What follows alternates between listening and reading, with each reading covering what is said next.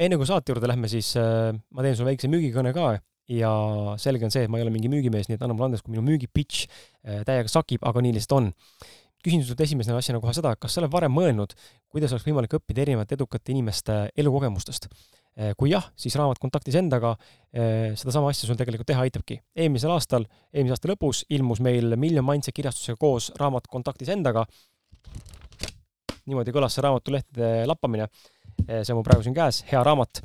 ja see raamat eh, sisaldab siis neljakümne kuue erilise inimese lugu, mis aitavad sinul saavutada eneseteadlikkust, õppida end paremini tundma, saada vabaks oma piiravatest uskumustest ning elada seejuures kergemat elu, mis tegelikult ongi meie, meie kõigi eesmärk, vähemalt minu oma.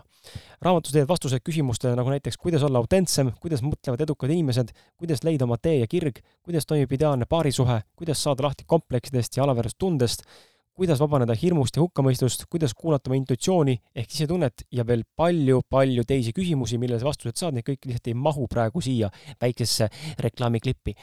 ja lisaks nendele küsimustele või nendele vastustele, mis sa saad nendele küsimustele, lisaks sellele kõigile muule, saad sa veel teada raamatust siis neljakümne kuue erineva eh, podcasti ausad mehed külalise nõuandeid, taipamisi ja soovitusi, kuidas saavutada endaga paremat kontakti, samuti kolmkümmend spetsiaalset raamatu jaoks kirjutatud väärtust andvat täiendavat lühilugu, samuti ausad mehed podcasti kirjaliku saadete kokkuvõtted, mis on koostatud minu enda poolt tegelikult ja ma olen välja noppinud isiklikult kõik need head mõtted nendest kõikidest mõtetest ühe saate kohta, nii et kui sa neid saateid kuulad, siis ma olen üsna kindel ja veendunud, et need mõtted sulle ka meeldivad, mis raamatusse pandud on.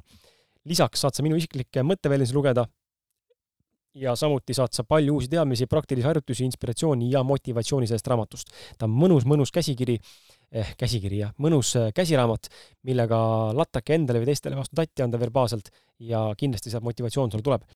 raamat Kontaktis endaga eh,, ausad vestlused elus ja pildis, esimene osa kirjeldab esimest sadat maha peetud ausat, autentset ja värskendavalt toorest vestlust. kui sa soovid seda raamatut endale saada, siis ole ja mine külasta kriskala.com või miljon.ee lehekülge, minnes nende e-poodi ning endale see raamat sealt ka saad siis endale tellida. tellides selle kriskala.com kaudu on raamat tulemas ka autogrammiga või pühendusega. raamatu hinnaks on seitseteist, seitseteist üheksakümmend viis eurot ja sellega on äh, meie reklaam läbi. aitäh sulle ja ilusat kuulamist!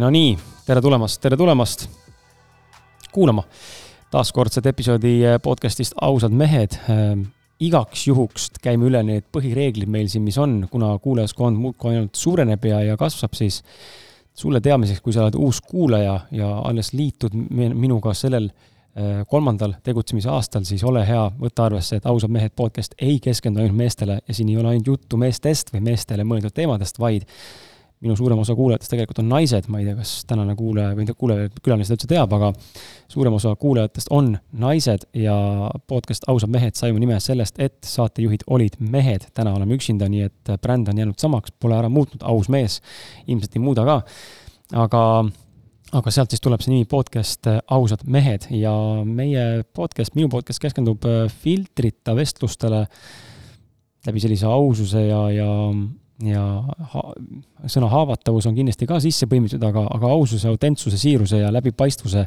kõigest sellest, mis on äh, meie enda elus oluline, millest äh, iga inimene äh, koosneb ja, ja mida on kogenud ja mida ei ole kogenud, me räägime kõigest, millest iganes tahame, siin ei ole piire, ähm, keegi hukka ei mõista, võib-olla mina ainult, ja tegelikult nali ei mõista ka mina, aga aga, aga jaa, kõigest räägime ja, ja tuleb see, mis tulema peab ja selline see formaat on, teinekord toores, teinekord rõve, teinekord on intelligentne, hariv ja, ja kõike on siin, et ähm, et tere tulemast, kui sa oled uus kuulaja ja vana kuulaja juba siis teab, mis toimub. aga iga kord ma mõtlen, kuidas ma saaks hakata seda podcast'i algust äh, teha, tegema teistmoodi, sellepärast et äh, varsti on kakssada episoodi salvestatud üle saja tunni ja mul on niisugune tunne, et äh, ei oska enam kuidagi äh, alustada seda äh, saate sissejuhatust, nii et, ähm, nii et kui on soovitusi või ideid, kuidas jõuda uute ideedeni, mismoodi saade sisse juhatada just nagu nende esimeste sõnadega, siis äh, ma on, olen nagu avatud. ja, ja, ja üldse mulle tundub, et, ähm, huvitav nagu ennast jälgida, mul täna veel seda etappi käes ei ole, kus oleks tüdimus, aga huvitav on näha, kuidas äh, ikkagi aeg-ajalt äh, või mingis, mingis etapis inimestel jõuab kätte need hetked, kus enda asja tehes sul tekib selline noh, rutiin või ruineeritud selline tunne, et äh, kõik on nagu ühesugune ja, ja, ja enam nagu ei ole seda ambitsiooni ja tuhki ja motivatsiooni, inspiratsiooni käia tööl või käia oma asju tegemas, oma rada käimas. veel ei ole tekkinud seda ja, ja ei ole ka tunnet, et tekkimas oleks, aga, aga you never know, nii et kui see tekib, siis ma annan teile teada, et siis on läbi vist ka, et äh, jaa, ma siin just eelmise saatekülalisele Jesper Parvele ütlesin, et et, et tänast hoogu jälgides, siis minu eesmärk on jõuda miljoni kuulamiseni ja, ja tänast nagu seda äh, käekäiku vaadates või, või graafikut vaadates, kuidas siis kuulamiste arv kasvanud on, siis ma pean vist veel tegutsema kuskil kuus aastat. Äh, nii et äh, vaatame, kuidas see läheb, kas ma jõuan sinna kümne aasta kanti või mitte. ja siis võib vist selle puldi ja mikrofonide nurka ära tõsta ja, ja jätta selle valdkonna kellegi teise jaoks, kes tahab peale tulla uue formaadiga aga lähme sissejuhatuse juurde, täna mul külas ähm, üks tütarlaps, ähm, mina temast väga palju ei tea ja tuleb välja, et üldse täna on esimene kogemus podcast'is äh, sõna võtta. Podcast ei ole väga nagu midagi nii äh, võib-olla sellist noh ähm,, tahaks öelda nagu nii ägedat ja võimsat, kui on raadio, neid ei saa võrrelda, selles mõttes, et see on ka mingil määral taskuraadio ja ta on niisugune teistmoodi äh, formaat, aga, aga ikkagi äh, Äh, see esinemine ja endast rääkimine, enda mingi loo edasiandmine on tegelikult üks ja sama, kas siis videos, pildis või, või helis, on ju, et äh, saab olema äge kogemus ja, ja ma ütlen sulle kohe ära ka, äh, armas sõber, kes mul täna stuudios siin on, et natuke on harjumatu alguses enda häält kuulda vahetult, kui sa räägid, kui sind häirib, sa võid klapid peast ära võtta, ma ise kontrollin, kui kaugel sa oled, aga see on kõik tehtud selleks, et sul en-, eneseteadlikkus kasvaks natukene, kuidas sa ennast väljendad ja ennast õpid kõrvalt kuulama ja teistpidi siis äh, ka sulle, hea kuulaja, kodudes äh, anda märku, miks klappidega kuulamine on oluline, sest et kui ma lähen, äh, teeme katse, on ju, ma lähen mikrofonist eemale ja räägin siit kaugemalt, siis ma kaon ära või tulen tagasi, et siis oluline on rääkida siia. nii et ähm, jaa, tere tulemast, Daisy! tere, tere, Kris! kas sa helistad Daisyt või helistad Daisyt? Ei, Eestis ma olen Daisy. kui ma välismaale reisin, siis ma ei tea, kutsutakse Daisyiks, aga nad ei oska öelda Daisy ja, ja siis ma nagu lähen seda kergema vastupanna teed. eestlasena mina eh, oma olemuselt olen ka võib-olla rohkem selline inglise keele eh, fanatt ja, ja selle implementeerija eesti keelde, siis ma automaatselt eh, oleks tahtnud öelda Daisy. no mul klaveriõpetaja ütles kaheksa aastat järjest, ma algused esimesed kolm aastat proovisin parandada ja siis ma lihtsalt andsin alla, otsustasin, et vist ei ole mõtet. et äh, jah et tundus, et talle meeldis see nimi paremini, nii et. aga kumba sa eelistad täna? ma kutsun sind Daisiks või Daisiks? Daisy. ja Jääb. Eestis ma ikkagi olen okay. Daisy, et Daisy on minu jaoks ikka natuke võõras. sobib, teeme niimoodi. loeme ette sinu sissejuhatuse, mis me oleme siin kokku pannud sinu algatusel ja minu korrektsiooni najal ja, ja siis koostöös midagi oleme kirja saanud siia, paneme selle ette siia lugema inimestele ja siis juba lähme sinuga vestlusesse.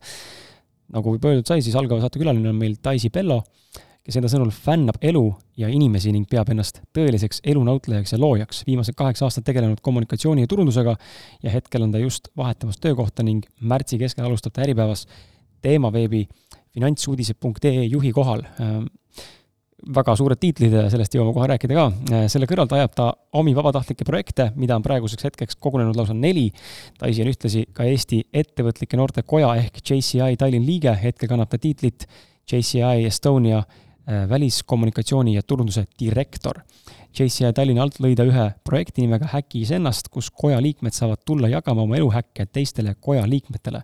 vabal ajal aitab sõbranna brändi kujundada ja abistab oma jõu ja energiaga Eduakadeemia alt sündinud kogukonda Teadlikult õnnelik mina ja kes äh, soovib kuulata Roland Tokot, äh, Eduakadeemia juhti, siis minul on alati siin podcast'is tavaks kedagi ka mainida, kui kuidagi tuleb jutuks Edu Akadeemia podcasti leiate üles ausad meeste podcastist äh, hashtag viiskümmend üheksa saatenumber.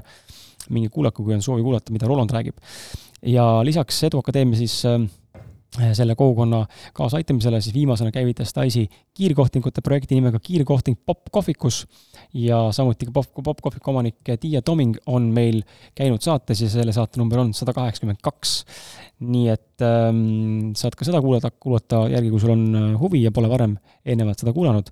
Daisy suurimaks äh, sooviks elus on saada paremaks versiooniks iseendast ja lisaks projektide juhtimisele ja palgatööle õpib ta samuti ka NLP-d ehk neurolingvistilist programmeerimist ja selle valdkonna terapeudiks Daisy armastab koeri, süüa väga head toitu, mis on väga hea toit, sellest me kindlasti räägime, see on argumenteeritav ja diskuteeritav ja vaieldav. jalutada looduses, kirjutada adrenaliini ja ekstreemseid elamusi. Noh, meeldib, tähendab, siin on väike segadus mul sõnastuses, aga lisaks kirjutamisele meeldib siis ka kogeda adrenaliini ja ekstreemseid elamusi. nagu näiteks mootorrattaga sõitmine, lohesurf ja langevarjuhüpped. ja suures laastus täna keskendume siis suhetele, armastusele date imisele, kohtingumaasti, maastingule ja loomulikult siis äh, millele iganes muule, mis meil siin parasjagu üles tuleb, aga fookus on meil olemas, nii et äh, sellise sissejuhatusega ja sinu abiga ma sind siia saatesse ka juhatan. Ähm, veel kord, tere! No tere! või siis tšau!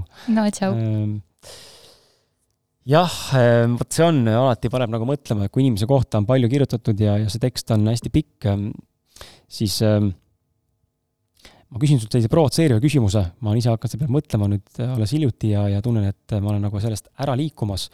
ja, ja no vaatame, kuidas sa vastad sellele, et äh, sellega peab arvestama, et meie kuulajad, kes võib-olla ei tea ja saatekülalised, kes ka ei tea, et ma provotseerin päris palju ja ma küsin väga tooreid küsimusi ja ma teinekord panen hea meelega ka selles mõttes äh, niimoodi nagu äh, väikse, väikse selles mõttes äh, debati või arutelu hea meelega tekitan, aga väga paljudel inimestel on huvi ja, ja tahtmine panna endale väga palju silte, on ju. siin on mingi see turunduse direktor, väliskommunikatsioon, on ju, juht, on ju, ehm, eh, mis iganes veel, et eh, mina täna ise näen, et ma ei taha üldse ennast enam sildistada. ma tunnen, et see on, ma ei oska ennast sildistada, ma ei saa endale öelda, ma olen podcaster, sest et see ei ole mina, see ei ole ainult, see ei ole see kõik, on ju, see on midagi, nagu seal on midagi veel enamat. et äh, kuidas sina täna seda asja näed, kas enda, ütleme selline mm, sildistamine või, või selle äh, sissejuhatusega ülistamine või tutvustamine on midagi, mis aitab kuidagi kaasa tegelikult või pigem on see äh, või pigem on see selline asi, mis, äh, mida ühiskond tahab, aga sa ise võib-olla tegelikult ei teeks seda näiteks? no näiteks see sissejuhatus, et see oli puhtalt ju see, et ma pidin sinna midagi kirjutama, on ju. ja kuna ma hakkasingi mõtlema, et siis mis on need tükid minust, ehk siis mida ma tahaksin nagu mainida, et kus ma nagu teen ja kus ma nagu toimetan ja siis need ongi need tükid tegelikult sellest, need ei ole ainsad tükid, et seal need tegelikult on ju veel. ja meil on ju pere ja kodu ja igasugused muud asjad ka veel, mis sinna nagu sellesse kompotti lähevad. aga need nagu praegusel hetkel on kõige päevakorralisemad ja mis minu jaoks on võib-olla kõige olulisemad. Need asjad ma nagu ära mainisin, et äh, kuna nad ikkagi on, defineerivad mind kuna selle läbi selle sissejuhatuse kaudu tegelikult inimesed saavad ju aimu, kes sina mm -hmm. oled ja mis on sinu jaoks oluline. ehk et kui sa mainidki, et need tiitlid, see tiitel ei ole oluline tegelikult, vaid see, mida sa seal teed.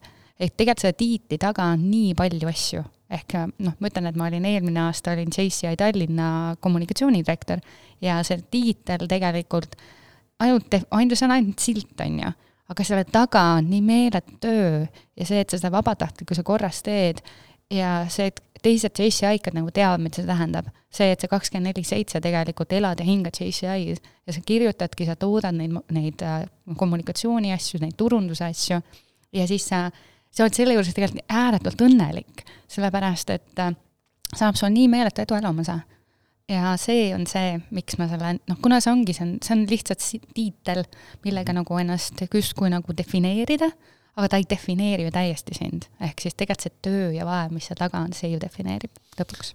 väga hea seletus, ma küsin siit kohalt uuesti veel kord nagu meelega niimoodi provokatiivselt vastu, et kui kuulaja meid kuulab nüüd ja ja, ja mõtleb, et hmm, äh, direktor ja juht ja nii edasi, et huvitav, et aga mille poolest tema on nagu parem, et sinna sai, siis minu küsimus sulle on nagu sama, et kuidas jõuda äh, karjääriredelitel sellistele kohtadele, kus sul on suurem vastutus ja, ja mille poolest sina oled erilisem kui näiteks äh, ma ei tea, ülejäänud kümme tuhat inimest, kes meid võib-olla kuulavad.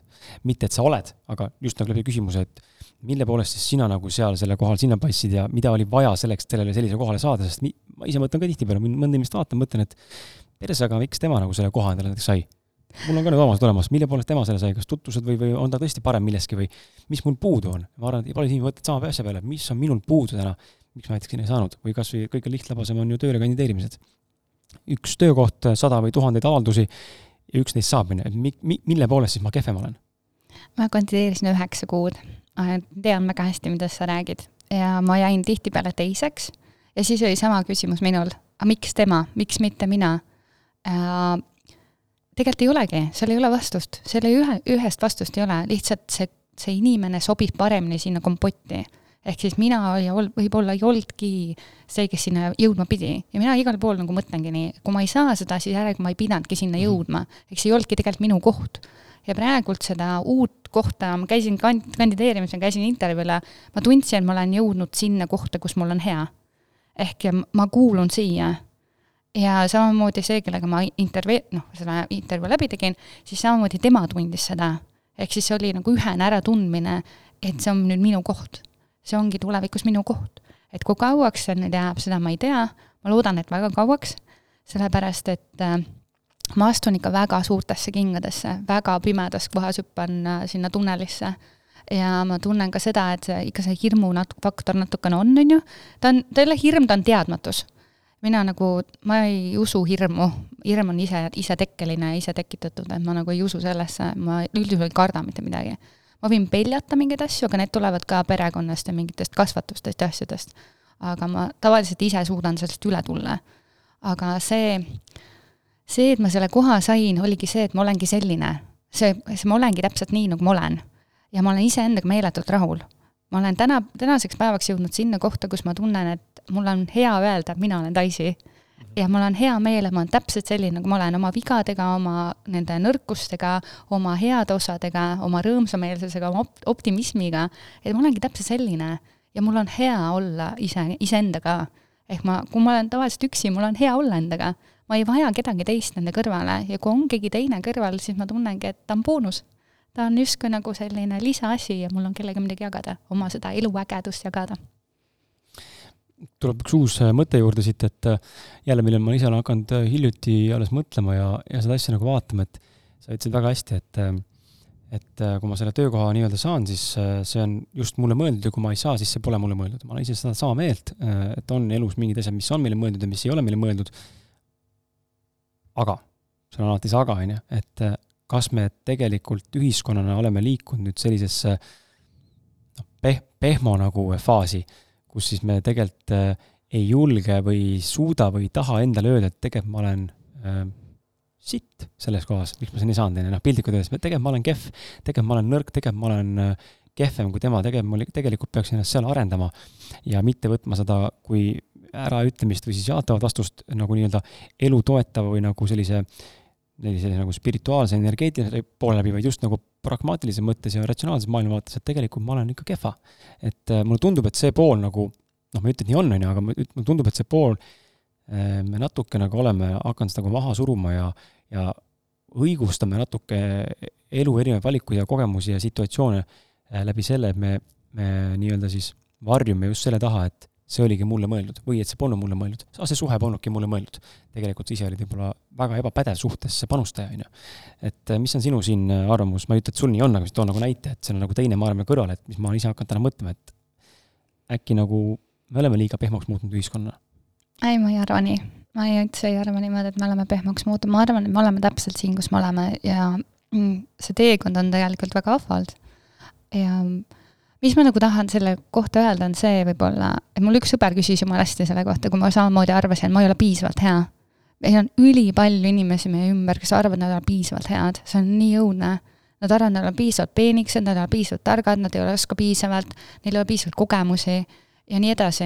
ja see on ääretult nukker, mismoodi tegelikult me ise pisendame ennast, ma võtsin pisendamise sõna üle, Ants Rootsaselt. kuulasin tema podcast'i ja mulle õudselt meeldis see sõna ja siis ma mõtlesin, võtsin, võtsin selle ise endale üle. see pisendamine on minu, vot see on massi, massiepideemia praegult. et kuidas meie ühiskond tegelikult loob seda pisendamist, et me oleme vähem, kui me tegelikult oleme. tegelikult meie sees on nii meeletut andeid kõigil meil. ma võiks öelda, et me kõik oleme geeniused, tegelikult omal alal me olemegi geeniused ma oskan mingeid asju, mida teine kõrval ei oska. see, et ma ei oska nüüd praegusel hetkel kududa, see on väike asi, aga ma oskan teisi asju. me peaks nagu suurendama neid asju, milles me nagu head oleme, mitte nagu nii meeletult luubiga vaatama neid asju, milles me halvad oleme.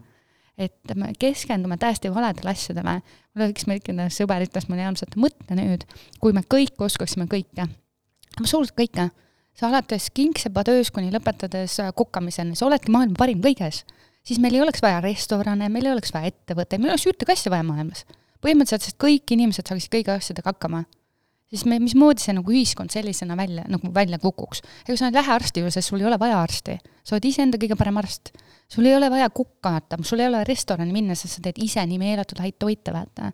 ja siis ma sain aru, et see point oli väga hea, sellepärast et sina oledki millestki hea ja sinu kõrval olev sõber ei ole selles hea, aga te saate olla üksteisele kasulikud. sellepärast, et see teine sõber on milleski teises asjas hea, mille sul on vaja ja minu arust on aina nagu, minu vähemalt tutvusringkonnas aina nagu tugevamalt tulevad need partnertehingud. nagu vanasti tead, et üks kana sinu lehma vastu, mhm. on ju. et need partnertehingud on hästi hinnas praegult, kus ongi nagu see, et et sa lähedki massööri juurde, ütled, et minu, minu tugevus on see, et kas, kas me saame mingi tehingu teha. Et kas sul on midagi, mida ma oskan, mida sul on vaja ja siis on, ma tean paljusid ongi, kes maksavad niimoodi mingite teenuste eest mm -hmm. sellega, et ta teeb vastu talle midagi muud ja minu arust meil aina toredam on näha, et me liigume sinna suunas, kus ei ole nagu, ei ole konkreetselt hinda asjadel justkui, vaid on see, mida sa oskad ja inim-, teine inimene väärtustab seda, mida sina oskad. vot see on äge mm. -hmm. ei, see on väga huvitav mõte. Äh, ma üldse ei, ei vaidle vastu. Äh, ei vaidle vastu ja kohati nagu tekib tunne, et tahaks nagu täiustada seda just selle nurga alt, et äh, mõtlen, kuidas seda sõnastada paremini, tahaks nagu täiustada seda just selle nurga alt, et noh, see võib-olla ei ole alati, aga see nagu võib-olla erandkordades, aga just nimelt, mulle, minule vist isegi meeldiks niisugune ühiskond, kus on niimoodi, et sa teed kõik ise. kõik on nagu tipp-topp, ma valdan kõiki asju ehm,. aga samal ajal see ei välistaks minu puhul seda, et ma ei saaks või ei tahaks delegeerida kellelegi, kes oskab ka seda asja teha. et noh, a la ma teen podcast'i ja mul on vaja sada, ära salvestada kakskümmend episoodi ühe päevaga. ma leian kellegi, kes teeb seda samamoodi sama signatuuri alt ja me saame jagada saated pooleks. Ehm, ilma, et mul peaks olema see vajadus leida keegi, kes teeb must paremini. et aga, aga samal ajal, samal ajal ma olen nõus ka sellega, mis sa just ütlesid ka, see näide jah, et äh, ka täna ise olen kogenud seda ja kogen üha rohkem, kuidas äh, erinevate äh, valdkondade tipud või siis oma nagu ala spetsialistid nii-öelda või, või inimesed, kes on kogenud selles valdkonnas, saavadki üksteist partneritehingute kaudu siis täiustada. Ehm, lähme sinu back story juurde, see on meie niisugune põhiküsimus, mis annab kuulajale hea ülevaate, kes sa oled, mis sa teinud oled ja miks sa võib-olla üldse täna siin oled või mis sa nagu jagada tahad, et äh, mis on sinu back story ja millised on suurimad katsumused sellel teekonnal, ma ei tea, võta siis kas viie minutiga, tunni ajaga, ise vaata, kuidas sa tahad kokku võtta, mina olen siin vait, on ju, aga aga et äh, mis on need milstoned, mis on sind siis tänasesse punkti toonud? no tänasesse punkti on mind toonud väga tugev eneseareng just nagu enesesse vaatamine ja enesega tegelemine. et ma võtsin aasta vabaks, mul oli kaks tuhat üheksateist maikuust alati peale seda ma olin aasta aega kodus. tegin oma magistritööd ja siis ma tegelesingi podcast'ide, kuulasin webinaridega, ma lugesin raamatuid meeletult palju iga päev tegin midagi, mingi ühel hetkel lihtsalt ma tajusin, et mu aju oli ülekoormatud ja siis ma tegin, okei okay,, ma seitse päeva ei tee, ma teen kuus. et ma ühe päeva puhkan et ma jätan endale sellise puhkepäeva vähemalt. ja ma hästi intensiivselt tegin seda, tõesti. ja see meeletu areng, hästi kiire areng oli. ja praegusel hetkel ma tunnengi, et ma olen jõudnud siia tänu sellele kõigele, et ma, ma meeletult, mulle meeldib õppida, selle ma unustasin ära öelda, et mulle väga meeldib õppida ma võin õppida kõikvõimalikke asju, mis on nagu näiteks ma olen õppinud baristaks, kuigi ma ei, ei ole barista, on ju, aga mulle meeldib õppida asju, mis mulle nagu endale isiklikult meeldivad, kuna mulle kohvi meeldib, siis ma tahtsin teada, kuidas teha väga head kohvi. ja niimoodi mu areng ongi läinud, et ma olen ka järgmise asja avastanud, et aa, see on põnev, mind huvitab nagu seesama NLP juurde. Ma jõudsin ka, kuna mind huvitavad inimesed, psühholoogia, siis ma hakkasin uurima, et ma nagu tahaks terapeudiks saada, ma tahaks nagu teisi inimesi aidata. Ja mis oleks nagu see nurk ja siis mulle niimoodi sujuvalt ühel hetkel eluetapil oligi, üks inimene tuli mulle ütlema, et ta õppis NLP-d ja ta tegi minu peal selliseid nagu väikseid katseid ja näitas, et mismoodi on võimalik tegelikult äh, viie minutiga ära muuta su mingisugused mustrid, mida sa oled eluaeg kandnud. et lihtsalt plõks ja sa enam ei tee. ja see hakkas mind nii huvitama ja siis ma kogu aeg võtsin hooga, et ma lähen ja lähen ja lähen ja nüüd jaanuaris ma lõpetasin esimese selle prakti, praktiku taseme. et ma ise olen väga õnnelik jaa, ma arvan, et siia kõike sellega juurde on toonudki see, et ma olen nagu hästi palju endaga tööd teinud ja vaeva näinud ja proovinud aru saada nagu inimestest ja inimeste olemusest ja samamoodi ise nagu olles vallaline, siis äh, on huvitav näha seda teekonda, kuidas kaks inimest nagu kokku saavad ja et kuidas meie ühiskond nagu areneb just selle mõttega, et kui kaks inimest on õnnelikus paari suhtes, siis tegelikult nad ju kiirgavad seda välja, nad annavad seda rõõmu ja heaolu, tasakaalu tegelikult kogu enda, ennast ümbritsevatele inimestele ja maakond-, noh, inimestele ja maailmale. ehk siis kogu ühiskond tegelikult saab paremaks selle läbi, et inimesed on õnnelikus paari suhtes. et vahet ei ole, kas sa oled siis geipaari suhtes või sa oled heteropaari suhtes, no vahet ei ole. et lihtsalt, et sul enda ümber on inimesed, kes sind hoiavad ja toetavad, armastavad, et see on nii oluline ja ma ütlen, mul on väga õnne olnud, mul on ääretult tore perekond, ääretult toetav perekond ja samamoodi õde, kes on väga-väga toetav ja hästi, hästi, hästi ütleme niimoodi, minule nagu väga suureks eeskujuks oma olemuselt, et kuidas jõuda hästi kiiresti hästi kaugele. et äh, ta on niisugune väga edumeelne ja kuna seda kõike vaadates ja tahes, tahes olla ka nagu endast parem versioon homme, kui ma olen täna, siis see on mind nagu lükanud hästi kaugele edasi oma tegevustes. et praegult jah, istun siin tänu sellele, et ma ikkagi olen iseendaga väga palju tööd teinud.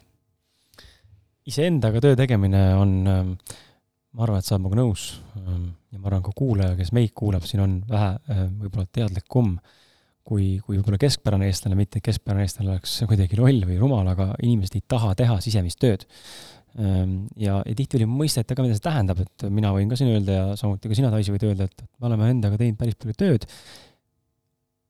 aga see ei tähenda, et kuulaja aru saab sellest. Ehm, minu küsimus siis nagu sulle spontaanselt juurde, see võib meile mõlemale, on suunatud selliselt, et äh, mida tähendab siis iseendaga töö tegemine? milles see nagu väljendub, et mis ma teen, noh, kuulan pealt, et iseendaga tööd teha, et aga mis mõttes ma teen iseendaga tööd, mis ma siis tegema pean? No minu jaoks tähendab see kõige rohkem näiteks seda, et äh, meil on kõigil oma mustrid, mis tulevad kaasa ühiskonnast, mis tulevad kaasa perekonnast ja nende lõhustamine on minu jaoks tegelikult iseendaga töö.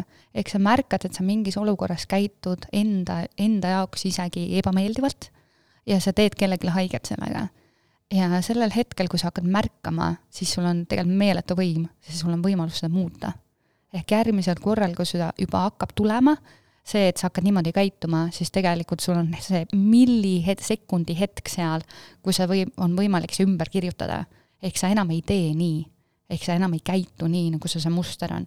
et NLP-s nad ütlevad ka kogu aeg, et sul on äh, nii palju, kui sa aastaid oled seda teinud, nii tugev põhimõtteliselt rongiliin sinna on tekkinud. ehk siis su ajus ongi selline rongiliin, ehk see tähendab seda ehk siis põhimõtteliselt, kui sinu peale keegi karjub, siis sina käitud vot nii, sellepärast et sa oled lapsepõlves seda harjunud tegema. või siis on sinu vanemad seda õpetanud või siis ühiskond või siis koolis või kuskil on tulnud see muster sulle. ehk äh, selle mustri lõhustamiseks on sul vaja mingisugust, kõigepealt seda märkamist. kui seda märkama hakkad, siis sa oled võidus. ehk tegelikult see ongi kõige olulisem hetk sinu elus üldse. kuni sa ei märka neid asju, siis sa ei saagi mitte midagi teha eks meie ütlemegi see tavaline eestlane, vaata, et tema käibki rahulikult oma rada, mõtleb, et nii ongi.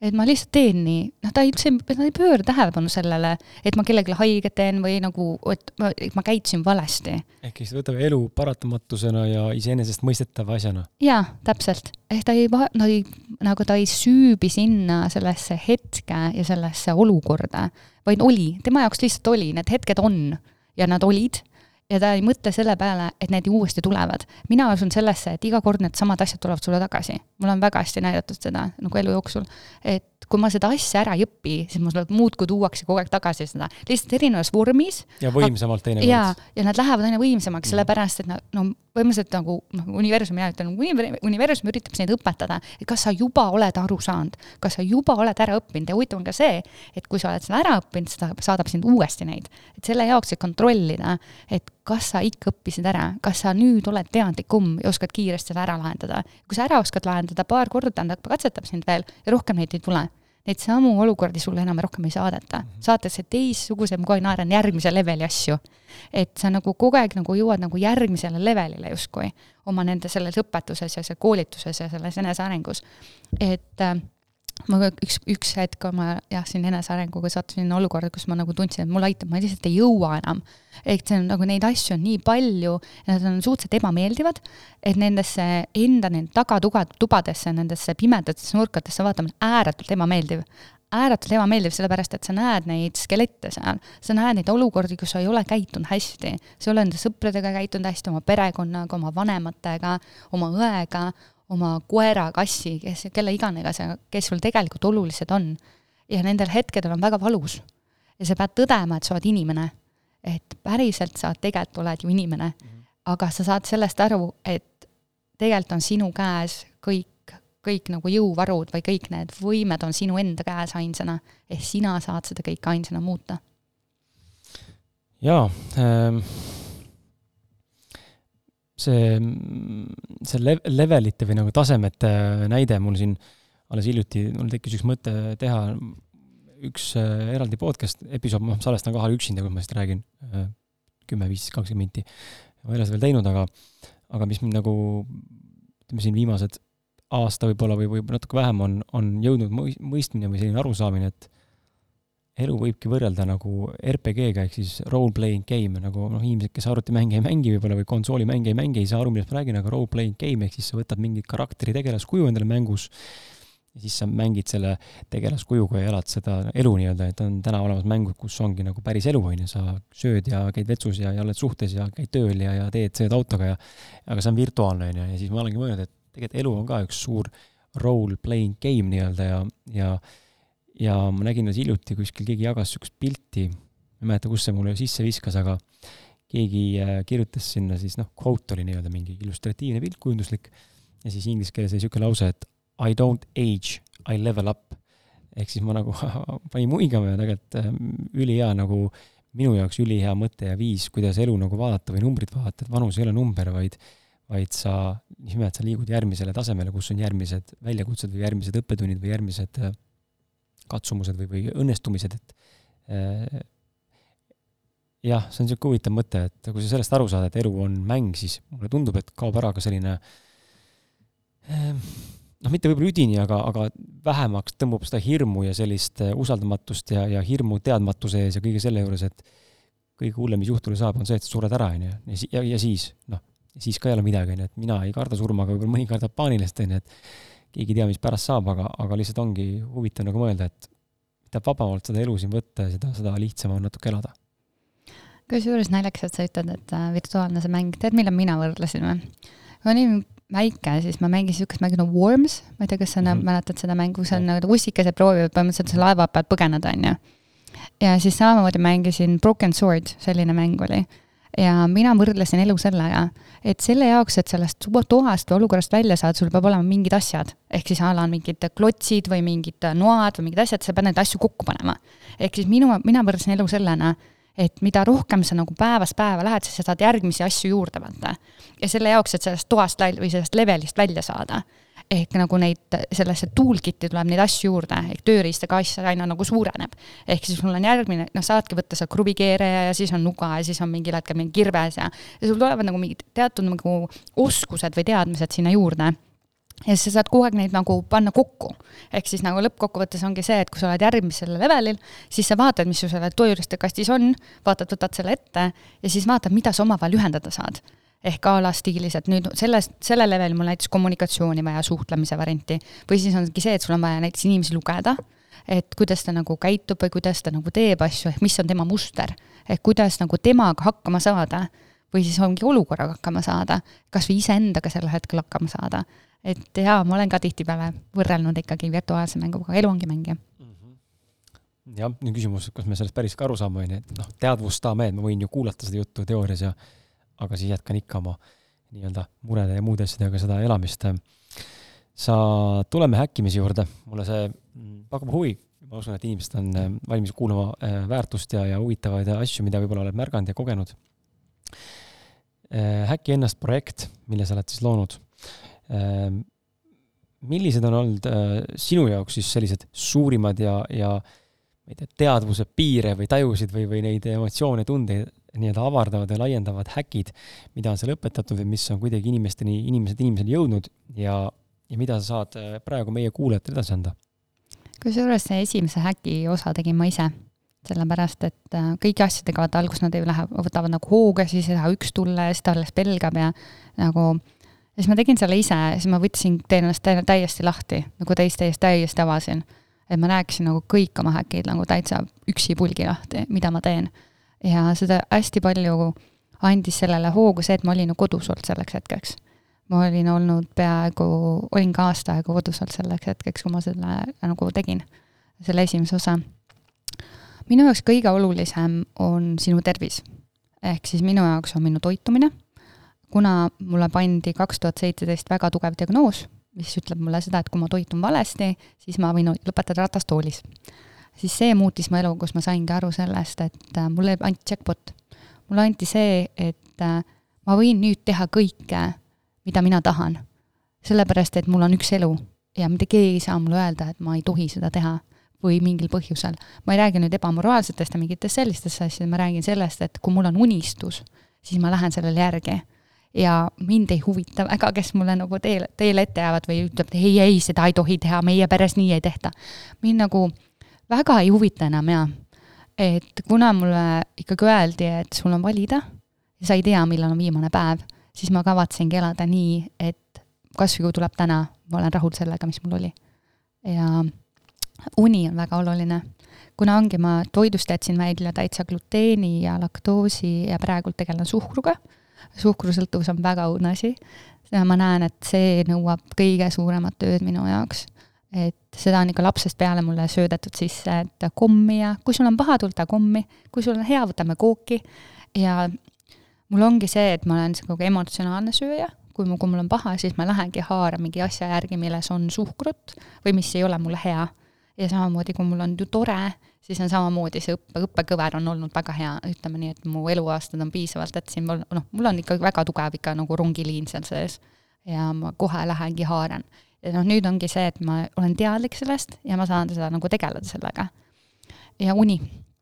kuna minule öeldi konkreetselt, et sa pead saama seitse-kaheksa tundi järjestikust und ja selle jaoks, et su närvisüsteem rahuneks ja puhkaks ja ennast uuesti genereeriks siis äh, need on väga, väga tugevad alused. mida ma veel õppisin, oli see, kuidas ma õpin. minu jaoks oli hästi-hästi oluline, sest lapsepõlves ma ei saanud aru ähm,, ma lihtsalt õppisin, ma lihtsalt oskasin seda. ja ma üldse ei pööranud tähelepanu sellele, mismoodi ma mingeid asju teen. ja ühel hetkel, kui ma nüüd aasta kodus olin, siis ma hakkasin aru saama, mis, mismoodi ma tegelikult õpin, mismoodi mul on mugav et kui ma lähen õppima midagi sellist väga detailset, siis mulle meeldib, mul on juhendaja, mul on mentor või coach või keegi, kes mulle seletab asja. Mulle ei meeldi lugeda raamatuid, ma ütlen ausalt, mulle ei meeldi, aga mulle meeldib kuulata raamatuid. ma olen niisugune huvitav, et mulle väga-väga meeldivad podcast'id, sellepärast et ma saan kiiresti selle info kätte minule mm. vajalikul kujul. ehk siis see heliga nagu tuleb mulle palju kiiremini see asi kohale, ma hakkan kohe seda protsessima oma peas ja ma saan kohe sellega tegeleda aga kui ma loen, siis minu jaoks on see liiga aeglane tegevus, ehk siis ma ise olen kärsitu ja ma olen selline, ma tahaks asju eile. Ja kuna ma olen läbi elu selline olnud, siis ma nagu ei taibanud, miks ma näiteks pakse raamatuid läbi ei lugenud kooli ajal õnneks mul oli klassiõde, oli täiesti super, talle meeldisid paksud raamatud, Anna Karenina, tema luges kõik meil, minu eest läbi. ja siis me saime nagu partnertehinguga, tegime siis diili, on ju, et tema luges need läbi, ütles, tegi mulle lühikokkuvõtte, kuna mul meeletult hea mälu, siis mulle kohe meelde, kes mida tegi seal ja ma tegin kõik viitel ära. pakse raamatuid ja minu jaoks on nad äh, hirmutavad, vot need on küll hirmutavad.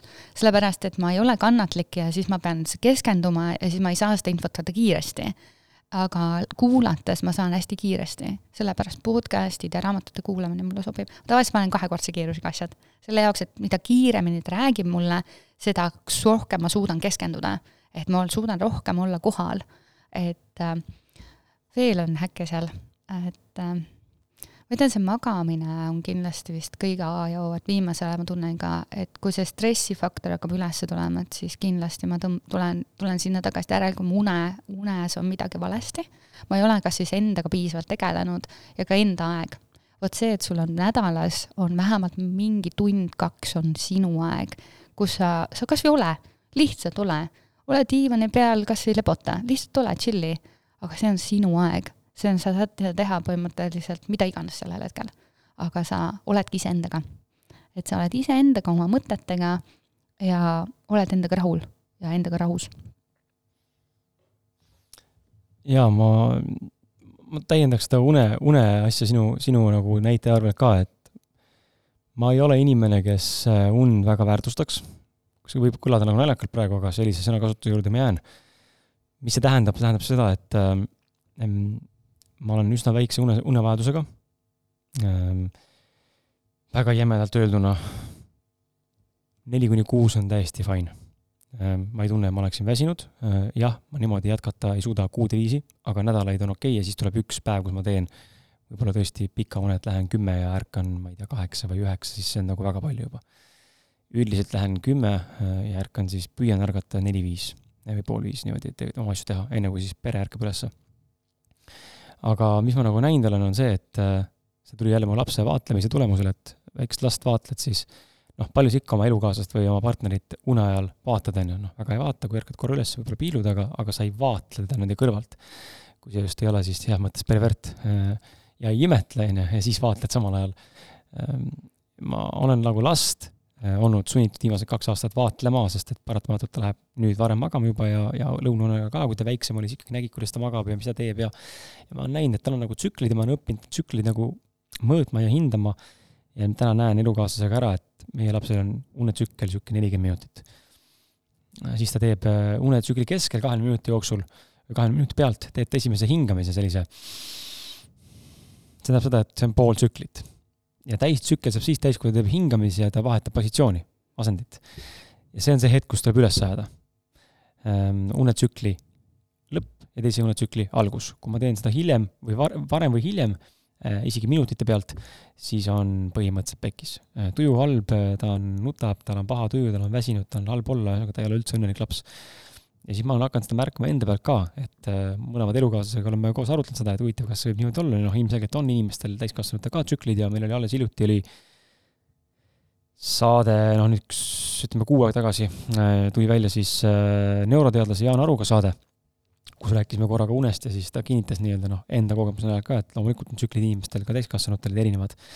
ja, ja ma olen märganud enda juures seda, et äh, kui ma ärkan üles äh, äratuskella peale, siis teinekord see alati ei toimi. ja ma arvan, et enamik kuulajatest, äh, noh, Daisy raputas ka pead, eks ole, enamik kuulajatest, ma arvan, saab siin nõustuda, et kui on äratuskella peale äratamine, siis meile ei, väga ei meeldi see. kui just ei ole väga täpselt ajastatud, et see on minu aken ja nüüd mul on nagu fine aga tihtipeale me ärkame öösel täiesti lambi hetkel ülesse ja ma arvan, me kõik oleme kogenud seda tunnet, et oh, nii värske on olla, nagu oleks maganud mingi seitse tundi, siis vaatad, kell on kaks. võiks nagu üles jääda, aga noh, ratsionaalselt ei ole see nagu loogiline, sest mis sa nagu kell kaks öösel teed, on ju. Siis nüüd ma olen hakanud jälgima seda, et kui ma ärkangi ülesse, või ma olen, alguses hakkasin jälgima seda, kui ma ei jää ülesse, et ärkasin öösel ülesse korraks ja siis tunnen nagu, et ilgelt reibas on olla, aga mõtlen, et nagu ebanormaalne üles jääda kell kaks öösel, ma magan edasi. ja nüüd, kui ma uuesti ärkan, siis on pekkis siis ma olen väsinud, ma olen zombine ja imelik olla, aga kui ma ärkan üles päris sel hetkel, ongi kell on kaks ja ma tõusengi püsti ja hakkan tegutsema, mis tundub ebanormaalne, aga ma tunnen ennast hästi, siis mul on fantastiline olla ja ma jõuan väga palju teha ja mul ei ole üldse väsimust, ehk siis ärgata üles siis, kui sul on bioloogiliselt nagu mingisugused äratushetked, on minu jaoks täna nagu väga suur häkk enda tundma õppimiseks. loomulikult see tuleb olla nagu noh, selles mõttes enda vastu sõbralik, et ära ennast tappa ei saa. aga nagu ma ütlesingi, et ma olen hästi väikse unevajadusega ja ma näen, et niimoodi nädal-kaks pingutada või nagu teha niimoodi äh, väikse unega on okei okay ja siis ta vajab restarti korraks. ma ei tea, kuidas sinul selle unega on, kui palju sina magad, aga aga, aga see on olnud huvitav nagu selles mõttes äh, enda äh, lahti häkkimine, enda mõistmine. ei, see, ma ütlen, uni tegelikult on ülioluline, sellepärast et une ajal toimub sinu ajus nende põhimõtteliselt defragmenteerimine. mina ütlen nagu arvuti, vaata, ta vajab defragmenteerimist aeg-ajalt ja seda vajab ka sinu aju et vajab seda puhkehetke nagu seda päris sügavat und, ehk siis ma räägin sellest REM-unest. Ehk siis, kus sa oled nagu väga sügavas unes ja see, see ongi see, et vaata see unetsüklid, ma ühel hetkel, kui ma olin äh, teismeline, siis mind õudselt huvitasid uni ja unetsüklid, teadsin peas neid, tavaliselt on nelikümmend viis minutit kusjuures unetsükkel.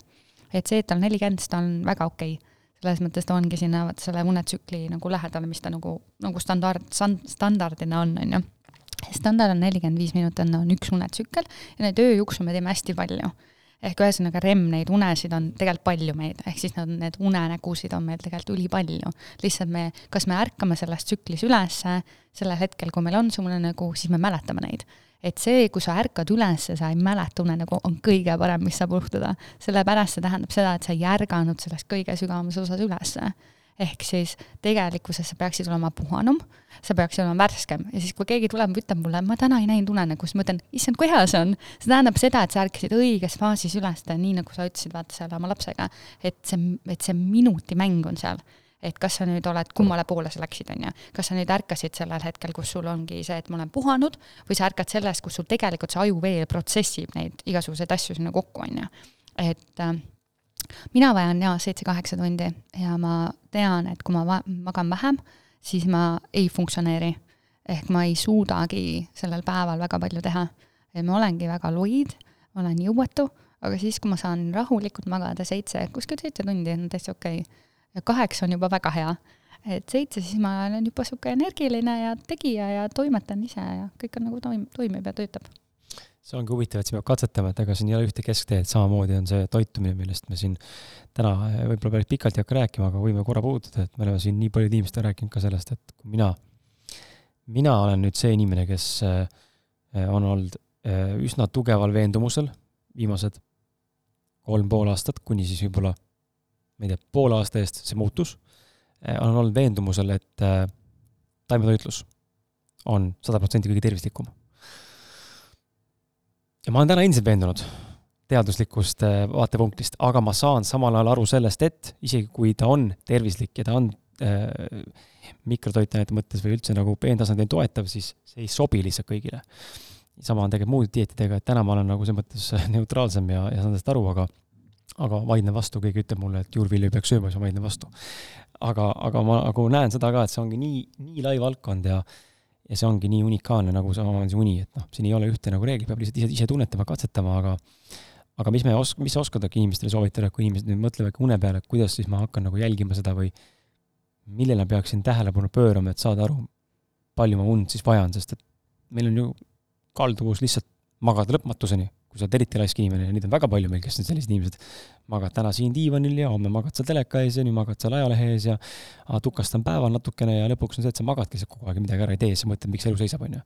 ma ei ütle, et peab kogu aeg tõmblema, aga vahel on nagu huvitav lihtsalt näha inimesi, kes on hästi niisugused nagu loodrid ja kurvaks teeb see, et sa magad lihtsalt oma elu maha. miks sa midagi rohkem ära ei tee? et kuidas, mida inimene siis saaks nagu endaga teha? esiteks, mis ma tahaks öelda, et magama peab pimedas evolutsiooniliselt meie magasime kunagi ju neandertaallastega koopas. ehk siis see oli pime, seal oli turvaline ja mida vähem valgust, seda parem. näiteks minu enda keha nõuab seda lausa. mul on, ma tõmban ukse kinni, tõmban oma katuse selle kaardina, aknakaardina kinni ja mu toas on täiesti pime. ja minu keha ta tänab mind selle eest, et ma ei lase sinna mingit valgust. ja tavaliselt nagu huvitav ongi see, et kui ma magan kusagil mujal kui enda kodus, siis ma tõmban teki üle. niimoodi, et mul sõbrad ütlevad, ma ei saa aru, kus su pea või nagu, kus su jalad on. sellepärast ma lähen täiesti sellisesse kookonisse. ma tõmban ennast sinna täitsa, täitsa sisse, nii nagu lapsed magavad, vaata. et laste, tegelikult laste pea imikute pealt näeb ülihästi seda nemad samamoodi tegelikult ei taha seda valgust. et nende jaoks on ka see normaalne, et see on pime et see on pime ruum, kus ei ole ühtegi mingit segajat, ei ole telekat, ei ole mingit elektriväljasid, mingi magnetväljasid.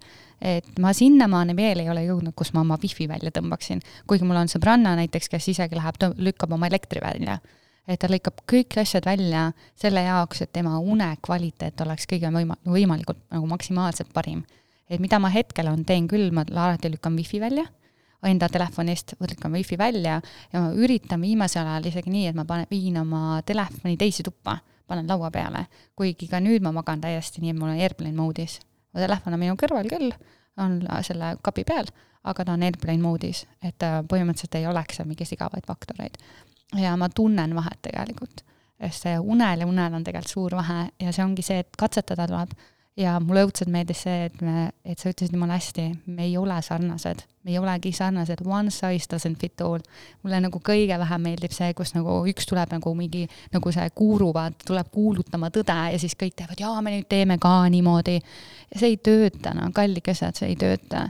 mine katseta, mine vaata, mis sinu peal töötab et äkki sul ei olegi vaja, äkki noh, võib-olla sinul ongi see okei okay,, et sul ongi viis-kuus tundi vaja, aga see, et sa nüüd pressid, et sul endal unevajadus seitse-kaheksa, sa pressid, et mingi viie-kuuega hakkama saada, siis ühel hetkel su keha lihtsalt ütleb üles, ütleb, et kuule, ma nii ei saa, ma ei jõua nii. ja siis, siis tulevad juba kehalised mured, tulevad haigused, immuunsüsteem läheb alla ja siis nad imestavad, miks ma haige olen. sa oledki haige, sellepärast sa ei anna kehale seda, mida ta küsib. et jälgi, kuidas sul on hea. Tegelikult su keha kogu aeg räägib sinuga, kogu aeg, kas või toiduga näiteks, ma viimasel ajal kasutan seda varianti.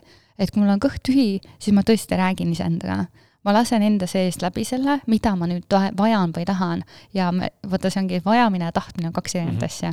nagu noh, see, et sa tahad jäätist, ei ole see, et ma vajan jäätist. ehk sa pead küsima, mida ta tegelikult vajab et mis on see, näiteks ma mäletan jumala hästi, ma kunagi jälestasin maksakastet sõna otseses mõttes.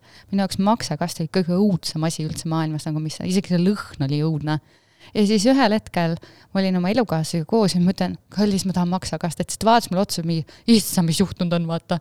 maailm hakkab teistpidi ringi käima. ja siis ma ütlesin, jaa, ma tahan maksakastet praegu saada. Siis ta vaatas mulle otsa, et no siis me peame sulle maksakastet leidma, nagu oleks rase, vaata. ja ma naersin nagu, et ma ütlesin, ei rase ei ole, no kõik on korras, aga tuli selline hetk, kus ma tundsin, et, et mul on nüüd vaja, järelikult ei ole rauapuudus, on ju et noh, põhimõtteliselt järelikult selles maksas oli midagi, mida mu keha vajas. ja niimoodi ma kogu aeg igapäevaselt teen. samamoodi näiteks nüüd on niimoodi, kui ma vaatan mingi kommi peale, siis tegelikult mu kõht ütleb mulle, kõik, ütleb kogu aeg see, sinu aju on kõhus, on ju. et kui sul on nagu, kui sul on kõhus kõik korras, ehk siis äh, sa oled andnud oma kehale kõiki neid aineid, mida sul on vaja, ehk siis su kõht töötab normaalselt, siis sa tegelikult oled ju elurõõmsam, sa oled äh, optimistlikum, sul on parem olla. Ja siis ma tavaliselt küsin ka oma kõhu käest, et noh, et, et noh, et mis sa nagu tahad, mis ma sulle annan, mis ma sulle täna annan. seepärast ma praegusel hetkel olen nagu nii tervisliku toitumise peale läinud, et ma ütlen, näiteks kui ma ütlen talle kommi, siis ta teeb mulle mm -mm, et ära seda mulle anna, sest et see on aluseline või vabandust, happeline ja seda happelist keskkonda tuleb vältida. et äh, sinu keha ei tohiks olla happeline kunagi see keha peaks olema alati alulises keskkonnas sa peaksid andma aina rohkem neid anal-, aluselisi asju, ehk siis nagu sa ütlesid, juurikaid, juurikad on väga head. minul ongi praegu, on juurikad ja on liha. et ma üritan süsivesikuid nagu suht-koht ikkagi vältida. no mõõdukas koguses, et ma nagu väga palju kartulit pole kunagi armastanud ja riisi ja noh, tatat küll annan vahest, et ma niimoodi hästi jälgin ka, et mida ma endale suus sisse panen, et äh, kunagi ei jälginud üldse ja siis tulid need kaalunumbrid ka muidugi loomulikult.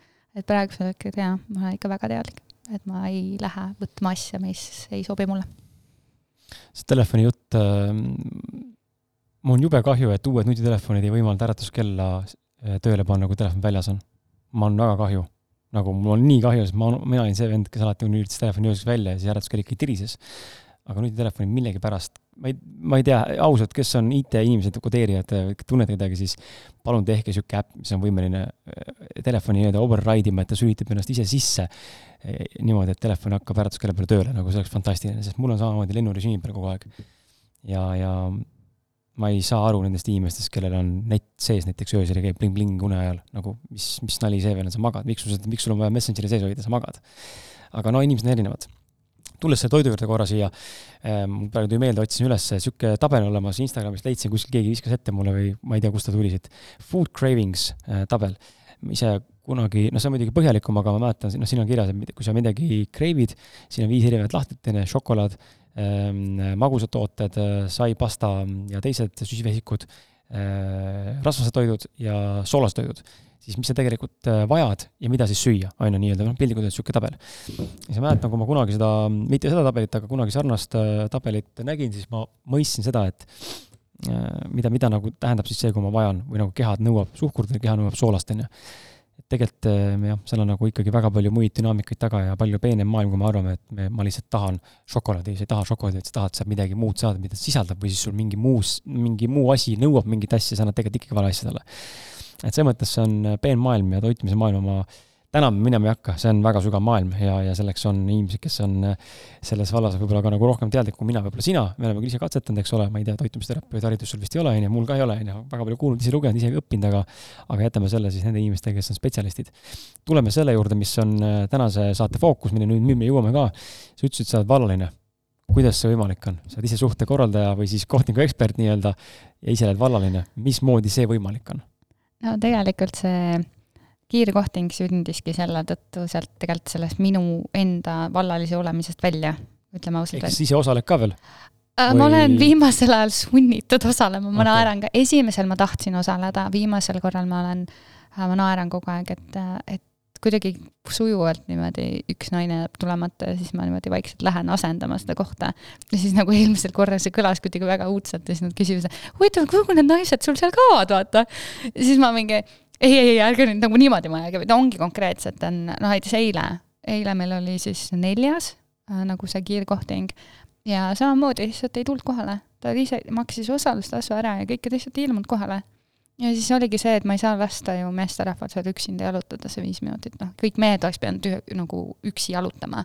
ja siis ma olin selline seltsidaam, läksin siis rääkisin nendega, lihtsalt, lihtsalt rääkisin nendega, vaata see viis minutit juttu on. aga kas nüüd see, vot, vot nüüd on see, et läksin, läksin ja lihtsalt rääkisin nendega viis minutit juttu, et nagu halastusest, aga ei olnud halastus. kas see, kas seal, aga sa ei ole samas, kas sellise nagu noh, nii-öelda jutumärkides sunniviisilise nagu kaasalöömisega, kas sa tegelikult oled ka avatud, et äkki ma leian siit partneri või sa pigem oled mentaalselt ikkagi suletud ja sa täidad oma töökohust?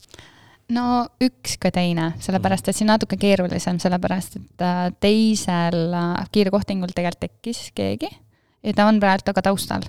ehk siis me olime peaaegu kaks kuud koos ja ühel hetkel me lihtsalt saime aru, et meie vajadused on väga erinevad, ehk minu läheduse ja minu suhtlemisvajadus on ääretult suured ja temal on need väga-väga väikesed. ehk siis ta ei anna mulle seda, mida mul on vaja.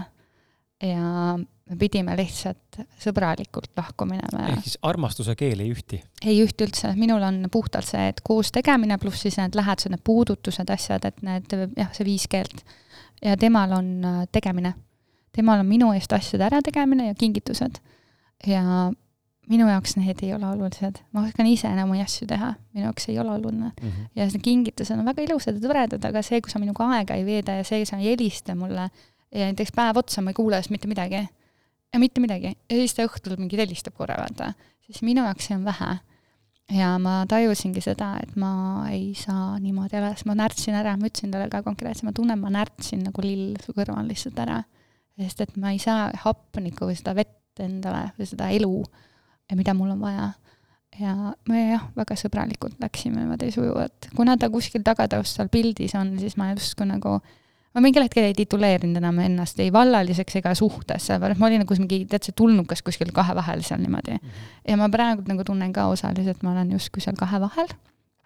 aga eile see, et ma kaasa tegin, kusjuures huvitav on see, et mehed tunnetavad seda sellepärast näiteks eile, noh, neil oli võimalik panna ka minu, minu nimi sinna match idesse, aga minu nime kahel korral kummalgi pole välja tulnud, sest et tegelikult oligi, see mees oli pildis, vaata.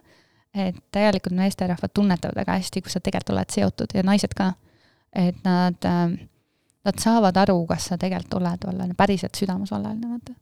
et kuna ma arvatavasti ma hetkel veel ei ole oma südames seda rahu teinud, siis ma päris ei saa tituleerida ennast täiesti vallaliseks kahjuks, jah see on see koht, miks äh,, miks on niimoodi, ma, ma jälle ainult oletan, on ju, et äh, oma kogemusest ja, ja oma tunnetuse pealt, miks on niimoodi, et kui olles mina suhtes mees, käin ringi, ma võin minna ükskõik missugusele üritusele, kus on ainult naistekari, siis keegi ei löö mulle külge.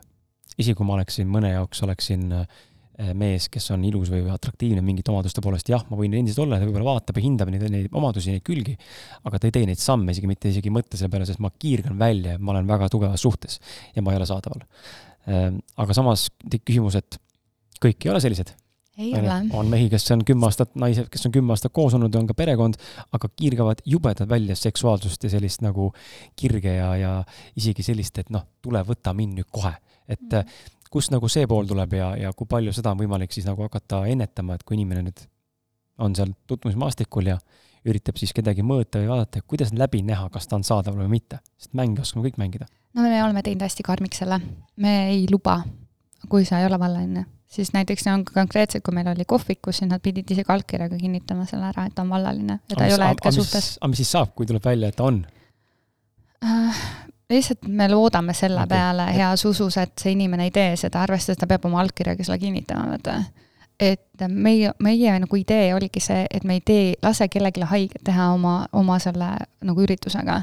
Et see, et sina oled teadlik, teine pool ei ole teadlik. et sa oled justkui nagu puu, ühe jalaga justkui oled veel suhtes, et see ei ole lubatud. tule sealt suhtest välja, ole vallaline ja siis tule et me nagu ei taha seda õhutada, et me oleme justkui nagu see hüppelaud, niisugune nagu, et meie, meie see üritus kindlasti ei ole selle jaoks, et neid rebound'e leida. füüsiline Tinder? Jah, täpselt, sellist nagu rebound'i leida ja, või seal üleminekusuhet, et äh, meie nagu eesmärk ikkagi on see, et inimesed tulevad, nad nagu päriselt otsivad suhet, otsivad kedagi, kellega oma seda eluägedust jagada, mitte seda, et ma nagu tahaks sellest suhtest ära minna, aga nagu ma ise nagu ei suuda hästi teha seda, et ma, äkki sa tuled, aitad et äh, me ei ole jah, see selline abi. et ma arvan, et selle jaoks on ainult üks abi. ole piisavalt mees või naine, astu sealt suhtest välja. selles mõttes, kui sa oled õnnetu, järelikult kui sa otsid juba mujalt, siis sa järelikult juba oled õnnetu, sul on midagi puudu. Et ole nüüd aus nii enda kui ka selle oma partneri vastu ja lõpeta ära see. see on oluline punkt ja, ja oluline eh, tasa, mida teadvustada, aga mida väga tihti ei teadvustata, kui sa juba mõtled tegudele. no okei okay,, nüüd on natuke jälle see, ma just oli, meil oli just äh, kui on huvi, minge kuulake, mul on Polarcast nimeline podcast ka koos Palja Porgandiga, seal me rääkisime petmisest eelmises episoodis ja, ja küsisime üksteiselt siis, kus on need piirid, on ju, kust hakkab piir ja me lähme sinuga samas diskussiooni korraks, Daisy, et eh, ma võin mõelda, paratamatult tulevad vahepeal mingid prompt-mõtted, mida ma ei kontrolli. Väga lihtsad näited, mida ma tõin ka seal, toon ka sulle siin, sulle ja siis ka kuulajatele, et näiteks, ärge nüüd siis palun mind hukka mõista, mis toon nagu väga puusalt praegu, mis mul tuleb pähe. Teinekord on mul peas sellised mõtted, et näiteks ma ei tea, annaks sellele vanamehele jalaga perse, on ju, lihtsalt lambist või, või lööks autoklaasi puruks. issand, ma ei olegi ainus, kes neid asju mõtleb. sa ei ole ainus ja on ka rõvedaid mõtteid, neid ma praegu rääkima ei hakka, on ju. et näiteks võtaks kedagi seal nurgale näiteks, noh, tuleb sisse mingi mõte ja kust see tuleb, ma ei tea. ühisväli, see on nimeks on ühisväli. ma, ma tegelikult ei teeks kunagi sihukest asja. Need ei ole sinu mõtted. aga need tulevad kuskilt, on ju, see on manipulatsioon, on ju, et ähm, okei okay aga nüüd on küsimus, et kui need on need, need on need mõtted, millele, millele me ei tegutse, me ei tule, sellele ei tule seda ajendit, ma nüüd teen kaasa midagi selle idee või mõtte teostamiseks, aga teisalt on kõrval ideed ja mõtted, mis tulevad pähe ka väljast või seestpoolt, mis on võimelised meid panema murdma, petma, ma ei tea, haiget tegema, füüsiliselt äh,, emotsionaalselt või mis iganes muud veel, on ju, endale haiget tegema. et küsimus nagu on siinkohal see, et kuidas siis nagu mul läks küsimus meelest ära, aga mõtlen, kui ma tahan sellega jõuda. Äh, kiirkohtinguga seoses, kuidagi kohtinguga seoses, et äh, kommenteeri seda nii kaua, ma mõtlen, mis küsimus, mul on mingi küsimus seoses sellega, ma üritan mõelda. No selles mõttes ma, ma olen nõus sellega, et äh, sul on suhtes midagi nagu väga-väga nagu nadistigi see, kui sa juba nagu mõtled selle peale ja siis on veel hullem on see, kui sa nagu tõesti hakkad seda tegema. et ma ise olen olnud selles olukorras et ma olen ise olnud suhtes, kus minu elukaaslane võttis meist iseenesestmõistetavalt, ma olin nagu mingisugune laud või tool või ma ei tea, köögikombain või noh, mida iganes, on ju, ühesõnaga ma ei tea, kelleks ta nagu pidas mind. aga, aga see point oligi see, et äh, minu jaoks ei, ei olnud need vajadused, mida mina vajasin, täidetud. ehk siis ma, põhimõtteliselt oligi sellel hetkel tuli, tuligi inimene, kes neid asju pakkus. selles mõttes, et loodus tühja kohta ei salli ehk siis alati ongi see, kus on äh, nõudmine, see on pakkumine. ja tuligi inimene, kes andis mulle kõike seda, mis mul kodus puudu oli. ma naeran kogu aeg siin vahepeal ka, et mulle anti kaks meesterahvast ja mõlemad meesterahvad täitsid täiesti erinevat rolli. Ja siis ma kogu aeg ütlesin sõbrannadele, et tead, kui ma paneks need kaks meest kokku, täiesti ideaalne mees, no perfektne, noh, no mul ei oleks nagu mitte midagi puudu, vaata. aga samas ei ole, sest mul on nüüd kaks meest ja mõlemad on poolikud ehk siis ma nagu kummagiga ei saa päris neid asju, mida mul vaja on, vaata. ja samamoodi selles suhtes tegelikult on ju siis nii. ja see kodus on ka poolik ehk poolik jalgratas ja siis see väljas on järgmine teine poolik jalgratas ja need kumbki ei lähe kokku. Ehk siis sa ei saa neid kokku panna, sest et nad ei ole üks ja sama ratas. ehk siis nagu oletame, et ma ei tea no oletame mootorrataste peal, oletame, et sul on üks pool on Suzuki ja teine pool on sul näiteks Kawasaki, on ju. sa ei saa eales neid omavahel nüüd niimoodi kokku panna, et sa saaks ühe terve nagu mootorratta. et noh, see ei ole võimalik. ja noh, nii mu armas lause on see, et kaks poolikut ei tee ühte tervet, aga nii ongi. Et kui see on, ratas on ikka katki, siis ta on katki, no. siis tuleb variant on see, et sa lähed terapeudi juurde, kuskile mingi suhtenõustaja juurde, kuskil, kus seda nagu proovida natukene nagu parandada või siis ongi see, et lihtsalt lase lahti. lase lahti ja tuleb see inimene, kes veel nagu tulema peab, kes sulle annabki neid asju, mida sul vaja on. et kõige hullem on see, et inimesed lepivad, mida ma endal lubasin. viimane suhe oli, pikem suhe oli aasta aega ja see inimene toodi nagu nii ilusti mu ellu näitama kõike seda, mida ma ei taha no absoluutselt, kõik tema tegevused olid nagu nii ideaalsed, see, mida ma kogu aeg mõtlesin, issand, on veel võimalik, see on ainult järgmine asi ja siis ma tema suhtel, selle suhte lõppedes, ma sain aru kõik need asjad, mida ma ei taha. ja siis ma mõtlesin, aga kõik see, mida ma tahan, on sada kaheksakümmend kraadi ju, sellele, mida ma ei taha. ja siis ma sain ilusti üles loetada, mida ma tegelikult vajan ja tahan. ehk siis ma kirjutasin paberi peale kõik ülesse. ehk siis milline see inimene nagu olema peab. Et see saaks tulla ja minu arust kõige hullem ongi see, et inimesed lihtsalt lepivad, lepivad sellega, et nad tahavad midagi muud aga nad ei ole ausad ei enda ega oma selle inimese vastu, kellega nad kohtuvad näiteks. ah, sa käid küll, noh, meesterahvas oled, okei okay,, noh, selles vanuses oled, noh, nii pikk oled, on ju. kuule, räägid päris normaalset juttu ka, okei okay,, fine, ma võtan su. see ei ole piisav. ma arvan, see ei ole kunagi piisav, sellepärast sina ju tead, kus see latt on, kus on nagu tegelikkuselt see, mida sa tegelikult tahad. ja see, kui ta sealt lati alt nüüd läbi roomab, ja sa oled nõus temaga jääma, siis mõtle, kui halb kaaslane sa tulevikus oled, sa kohe viskad talle nina peale, ta ei ole kõike seda, see terve see nimekiri, mida sa tegelikult ju ootad ja tahad ja vajad. ja sa kohe viskad talle nina peale seda, sellepärast et ta ei ole seda, aga ta ei olnud ju algusest peale seda. et miks sa teed seda teisele inimesele, vaata.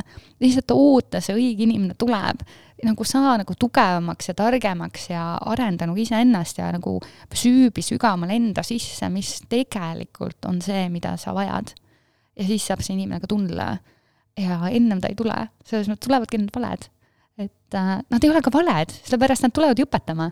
minul on just all, noh, need viimased kaks suhet, need, mis olid need lühemad, tulid samamoodi õpetama. tulid mulle jälle õpetama seda, mida ma tegelikult tahan kus ongi see punkt näiteks, viimasega õppisingi see ära, et mina tahangi lähedust, mul ongi vaja seda, mul ongi seda vaja nagu vett, nagu hapnikku ja samamoodi see, et ma tahan seda, et minu mees helistabki mulle päeva jooksul paar korda ütleb mulle, et tal, kuidas tal läheb, mis ta teeb ja kus ta läheb. mitte see, et ma oleks kontrollifriik, vaid see, et tal, ta kaasab mind oma ellu ja ta tahab, et ma tean, mis ta teeb, ta tahab jagada. see on minu jaoks väga-väga oluline. ma arvan, et suhe peaks olemagi püstitatud nendele asjadele, mis need vajadused on ja need peavad kokku minema selle teise poolega, vastasel korral ongi see kaks lonkavat ratast, noh jah, ei, ma olen täitsa nõus, ma, mina mõistan sind, sest minu armastuse keel on ka lähedus ja kontakt. ja äh, nähes nagu tänast suhet äh,, tänast suhet, mis saab varsti äh, kaheksa aastat vist, äh, kaheksa jah, ja võrreldes selle eelmise, eelmise suhtega, mis oli küll noorem, aga poolteist aastat, siis siis seal ma olin üksinda see klammerduv äh, segane, kes otsis seda lähedust ja, ja tahtis saada seda kontakti nii füüsilist kui äh, emotsionaalselt, aga täna on õnneks partner sama, kes tahab ja, ja noh, jälle ei tea, vaata, võib-olla, võib-olla tuleb mingi aeg probleemid. Pole siiani olnud, on ju, et äh, aga, aga jah, et on niisugune huvitav näha, kui, kui kerge saab üks suhe olla, kui on inimene, kes sinuga samas keeles nagu suhtleb jah, muidugi me oleme erinevad, me ei ole nagu üksteise nagu koop-, koopia, eks ole, aga selles mõttes vähemalt see armastuse keel on nagu sama, et aga tuleme selle mm, kiirkohtingu teema juurde, et mm, meil on täna sotsiaalmeedia. on. meil on Tinder, meil on Facebook, meil on Instagram, meil on seal, neid on palju. meil on seal palju-palju, on ju. miks, mis on füüsiliselt samas ruumis äh, kiirkohtingu, see on peaaegu pime kohting põhimõtteliselt, te näete esimest korda ennast, on ju? ongi et äh, pime kiirkohtingute äh, eelised võrreldes sellega, ma lähen ja scroll in kellegi kõikide insta äh, pilte läbi like'in ja siis ma näen ära, kes ta on ja siis ma saan kokku ja siis tegelikult tuleb välja keegi teine, et mis on selle, mis on selle eelis? selle eelis on see, et tegelikkuses suhte alguseks on vaja läbida kaks eksamit, füüsika ja keemia. ehk siis neid sa ei saa fake ida, sa ei saa neid kolme peale teha nagu koolis mingi mataeksamit, vaata. see peab olema ka viis või kas on või ei ole ehk siis see ei tööta nii, et kuule, see natukene nagu, natuke seda kirge nagu on. et siin ei ole nagu, see ei tööta. et, äh, et see kas on või ei ole, kõik.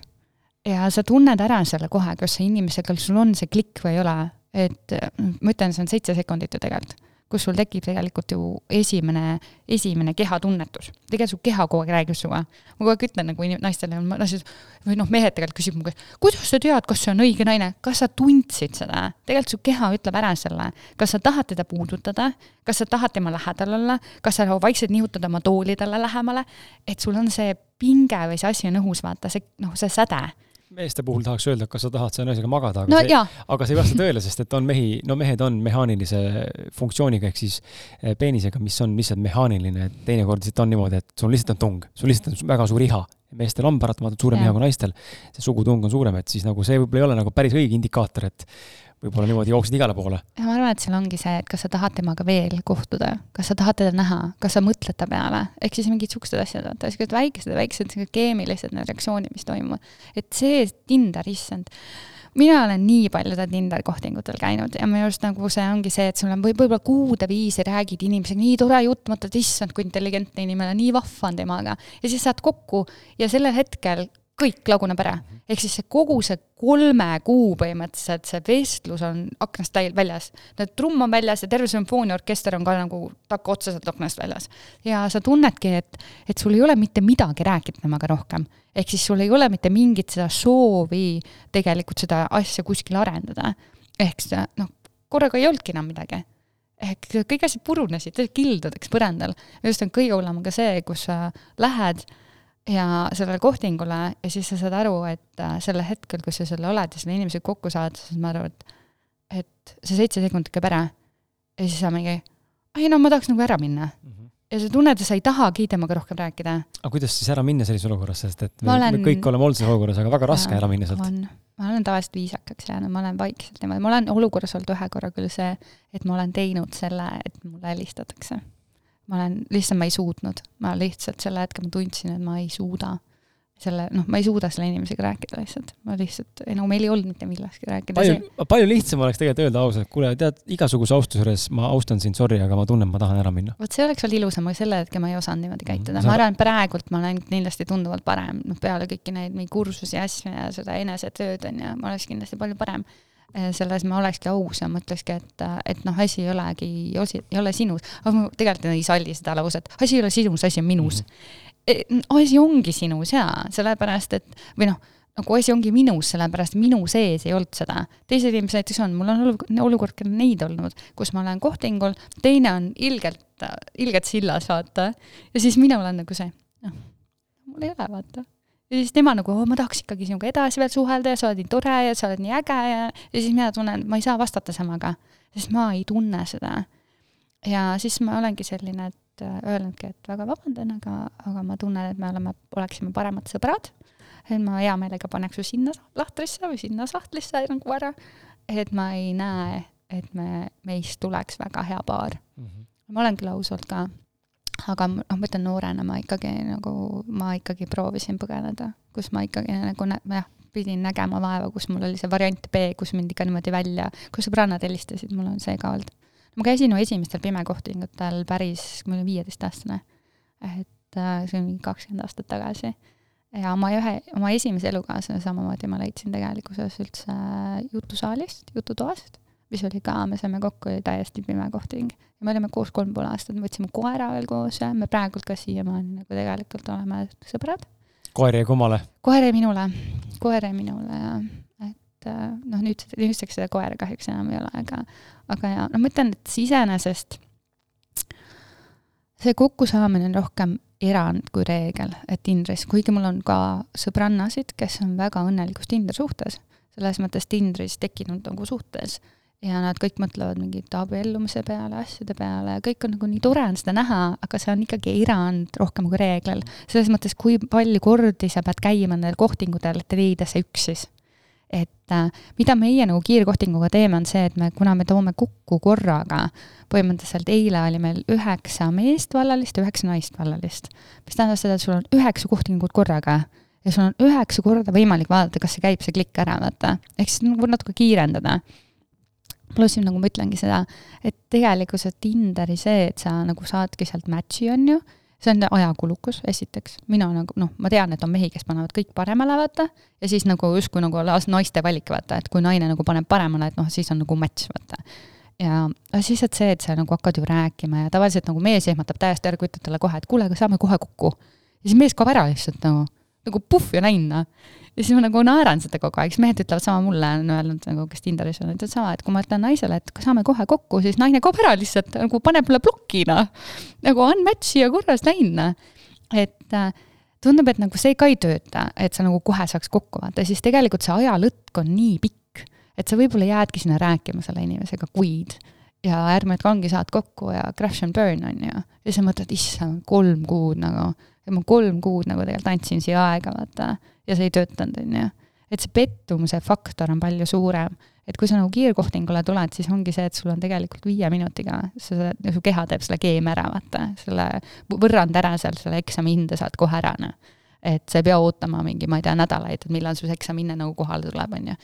et sellel hetkel sa saadki edasi liikuda ehk siis ongi viie minuti pärast liigud järgmise inimesele ja sa räägid temaga juttu, sa vaatad, äkki tema on, äkki temaga on. nii vastik see on see äkki ei, ei salli seda sõna, noh äkki on äkki jah. et no vaat sa ei tea, see ongi see, et sa paned ennast välja sinna, et miks me selle, miks ma nagu selle tegelikult nagu alustasingi see, et anda võimalus inimestele. anda võimalus tegelikult tullagi kokku ja vaadata, äkki ongi. ja siis oli naljakas, oli see, mismoodi elu, elu, elu need keerkajud, ma kogu aeg naeran seda, et elu keerkajud on nii ägedad lihtsalt. et ma rääkisin oma ühe sõbrannale, läksin rääkima, et kuule, et mul on selline mõte et noh, et teha kiirkohtingut ja siis ta istub mul laua otsas niimoodi hästi siukse muigava näoga, siis ma küsin, no nii, räägi ära. ta ütles, tead, et sa vaata seda põngerjat, onju, sellel hetkel ta laps oli neljane, ta ütles, tead, kui kiirkohtingut ei ole, siis mul ei oleks seda last ka ja oma abikaasat. et ta oli samamoodi kiirkohtingul tutvunud oma, oma abikaasaga. ja siin praegusel hetkel on nad õnnelikus abielus ja pisikese punni, punni vanemad, nii et sa tegelikult ei tea mitte kunagi ma ütlen, Tinderiga sa ka ei tea, aga samas see Tinderi see lõtk, lihtsalt see ajalõtk on nii meeletu, et see nagu, kõik see on nii ajakulukas ja lisaks ka see veel, et mehed on rääkinud ka, et pilt on üks ja lähed kohale, on täiesti teine. minul tui-tui-tui on ju, ei ole õnneks olnud sellist olukorda, aga jaa, mul on ikka räägitud, kus naised ka on öelnud, et noh, täitsa teine inimene tuleb kohale, et ma ei tea, mingi küm-, kümne-kahekümne aasta vanused mingid pildid on seal Tinderis üleval ja siis ta ikka veel müüb ennast nende pealt, et see nagu ei tööta. aga jaa, ma arvan, kiirkohtingud selle võrra on jäänud see paremad, et et sa teed ikkagi palju kiiremini selle otsuse ära ja siis ongi see, et sul tulevad kohe peale seda kiirkohtingute üritust, me pane-, vaatame need match'id üle ja sa saavad juba minna siis linna peale veel koos, noh, midagi veel teha õhtul ja, me ei tee Tinderit maha siinkohal, see on, see on üks viisidest, lihtsalt, lihtsalt okay. see signatuur seal taga on, mulle, mulle vähemalt tundub, olles äh, suhtes ja mulle tundub kõrvalt vaadatuna, mul on Tinder korra olnud, ma kohe räägin ka, miks, ma tegin suhte, suhte, suhte ajal äh,. aga, aga ma näen, et äh, väga palju on seal sellist nagu lihtsalt iha, iha nagu no sekspartneri leidmist põhimõtteliselt, on ju, et äh, mitte kõik, aga väga suur, väga suur nagu osakaal, eriti just naiste pildid, mis sinna pannakse, et rinnad on ikkagi paljad ja Pepu on keset ekraani, et noh, nägu ei ole, aga Peep perse on, vaata, siis on nagu hästi, onju. Ehm, mina tegin Tinderi endale, mul tuli päris palju, mõned kommentaarid tulid selle kohta, kui ma, ma olin teinud, ma olin sel samal ajal, kui ma Tinderi tegin, ma kirjutasin just Facebooki pika postituse armastusest ja enda suhtest.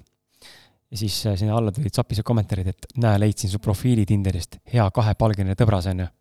et mis armastusest räägid siin, käib, käima naist petmas. aga see on vaata inimese enda oletus ja eeldused, keegi ju ei tea, mille pärast ma tegelikult olen, sa kõik arvavad kohe et ta Tinderis järelikult otsib partnerit, onju. mina käisin Tinderis äh, ausalt mehe podcast'i turundamas. Äh, ehk siis ma panin kõigile lihtsalt järjest äh, paremale match mm -hmm. või nagu, et sobib, onju. ja kui käiski ära klikk, siis mul oli kopeeritud copy paste sihuke mingi üks väike lõik, mis asi on ausalt mehe podcast mm -hmm. ja miks ma siin seda sulle promon ja, ja link, kuhu tulla kuulama. ja kujutad sa ette, ma arvan, ma sain kuskil peaaegu et mingi viiskümmend uut kuulajat. lihtsalt lõpuks ma ei viitsinud teha seda, tundus, et nii tüütu, sest et see open rate oli ikkagi väike, noh, nad ei vaadanud lõpuni või vaatasid ära, ei vastanud midagi. aga need, kes reaalselt diskussiooni langesid, oo, kihvt, et oo, niimoodi turundadki väge või et aa, ma olen kuulnud, iga päev kuulan, onju. et äh, selles mõttes oli, oli huvitav katse ja mulle meeldib ka asjast väljapoole mõelda, kes on öelnud, et Tinderit ei või kasutada turundamiseks. et ähm, oled sina öelnud või? minul on praegult et siis, kui ma Buduaarile seda artiklit kirjutasin, sellel hetkel ma tegelikult mõtlesin väga tugevalt nagu Tinderi kustutamise peale, aga siis ma mõtlesin, miks ma panen sinna lihtsalt kiirkohtingute turunduse ja mul ongi hetkel, mul on konkreetselt kiir, kiirkohtingute turundustel, aga mul on selles mõttes, ma olen ise vallaline, nõnda öelda vallaline, on ju. et siis tegelikult nagu kaks ühes. aga ma käin seal suhteliselt harva ja et praegult on ta nagu puhtalt turundusliku eesmärgiga seal ja et kui mehed ikka niimoodi lähevad profiili lugema, et siis nagu seal on meie, meie tekst ja. no vot siis räägime sellest kiirkohtunikust süsteemist, mis te seal popkohvikus teete, et äh, meil on nüüd, kaua see üldse kokku kestab üritus? kokku kestab ta kuskil, no orienteerib, palju meid on inimesi, vaata, selles mõttes, et äh, noh, tegelikult näit-, eelmine kord näiteks eile oligi, meil oli üheksa meest, üheksa naist, mis tähendab seda, et iga kohtingu jaoks on sul orienteerivalt viis minutit temaga suhelda ja rääkida, ehk siis see marketing pitch ära teha. enne naerame, varsti müüme seda suhtluskoolituse pähe, et äh, ja siis ongi see viis minutit pluss siis see ümberõstumine ühest lauast siis teise, kui oleks kohvikus ühest lauast teise, kui me olime õues, me olime õile õues, hästi tore oli, jube külm oli. aga siis samamoodi nad liiguvad ühe võrra edasi, ehk siis meesterahvas liigub, naine nagu alati istub või seisab, naine alati ootab. aa, niimoodi on või? ja alati, naine on naine. Okay.. naine on naine, selles mõttes, et me oleme võtnud selle hoiaku, et naine, naine on naine ja naine ei pea liigutama. Et meesterahvas liigub ühe võrra edasi või siis noh, liigub nagu ühe laua edasi. ja siis see liikumisaeg ka, et noh, orienteerivalt läheb kuskil mingi seitse minutit paari peale sellisel hetkel.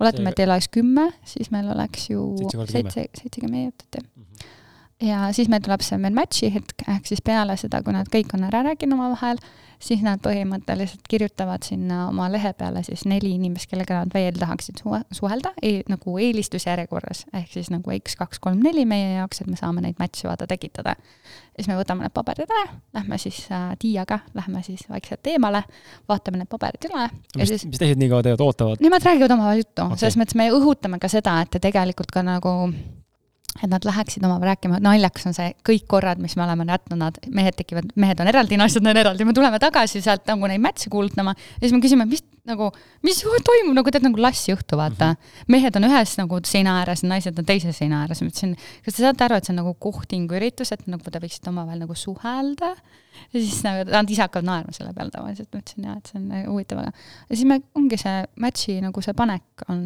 võtab see natsa ajal aega mingi viis-seitse minutit, et orienteerivalt kuskil, eile läks nagu kauem, aga üks ja poolteist tundi, poolteist tundi, kaks tundi aga viis minutit äh, nagu tekib küsimus, et see on ainuke, ainuke aken, kus sa saad, ma mõtlesin, teil on korduvalt istumised nagu korduvad ringid nagu on selles mõttes, et saad nagu, et tegid ära, siis tekkis klikk onju ja nüüd sa tead, et sa jõuad tagasi mingi hetk selle asja juurde uuesti, saad nagu midagi muud rääkida, vaata, või põnevus, et nägid ära, mõlemal klikkas siis nagu see, et vot ma ei viitsi praegu rääkida, kus see on, ahah, neli, veel kakskümmend minti, siis ma olen samas lauas onju. et see oleks nagu teistpidi põnevust tekitav, aga mis te, mis nad siis nagu räägivad, mis see pitch nagu on siis?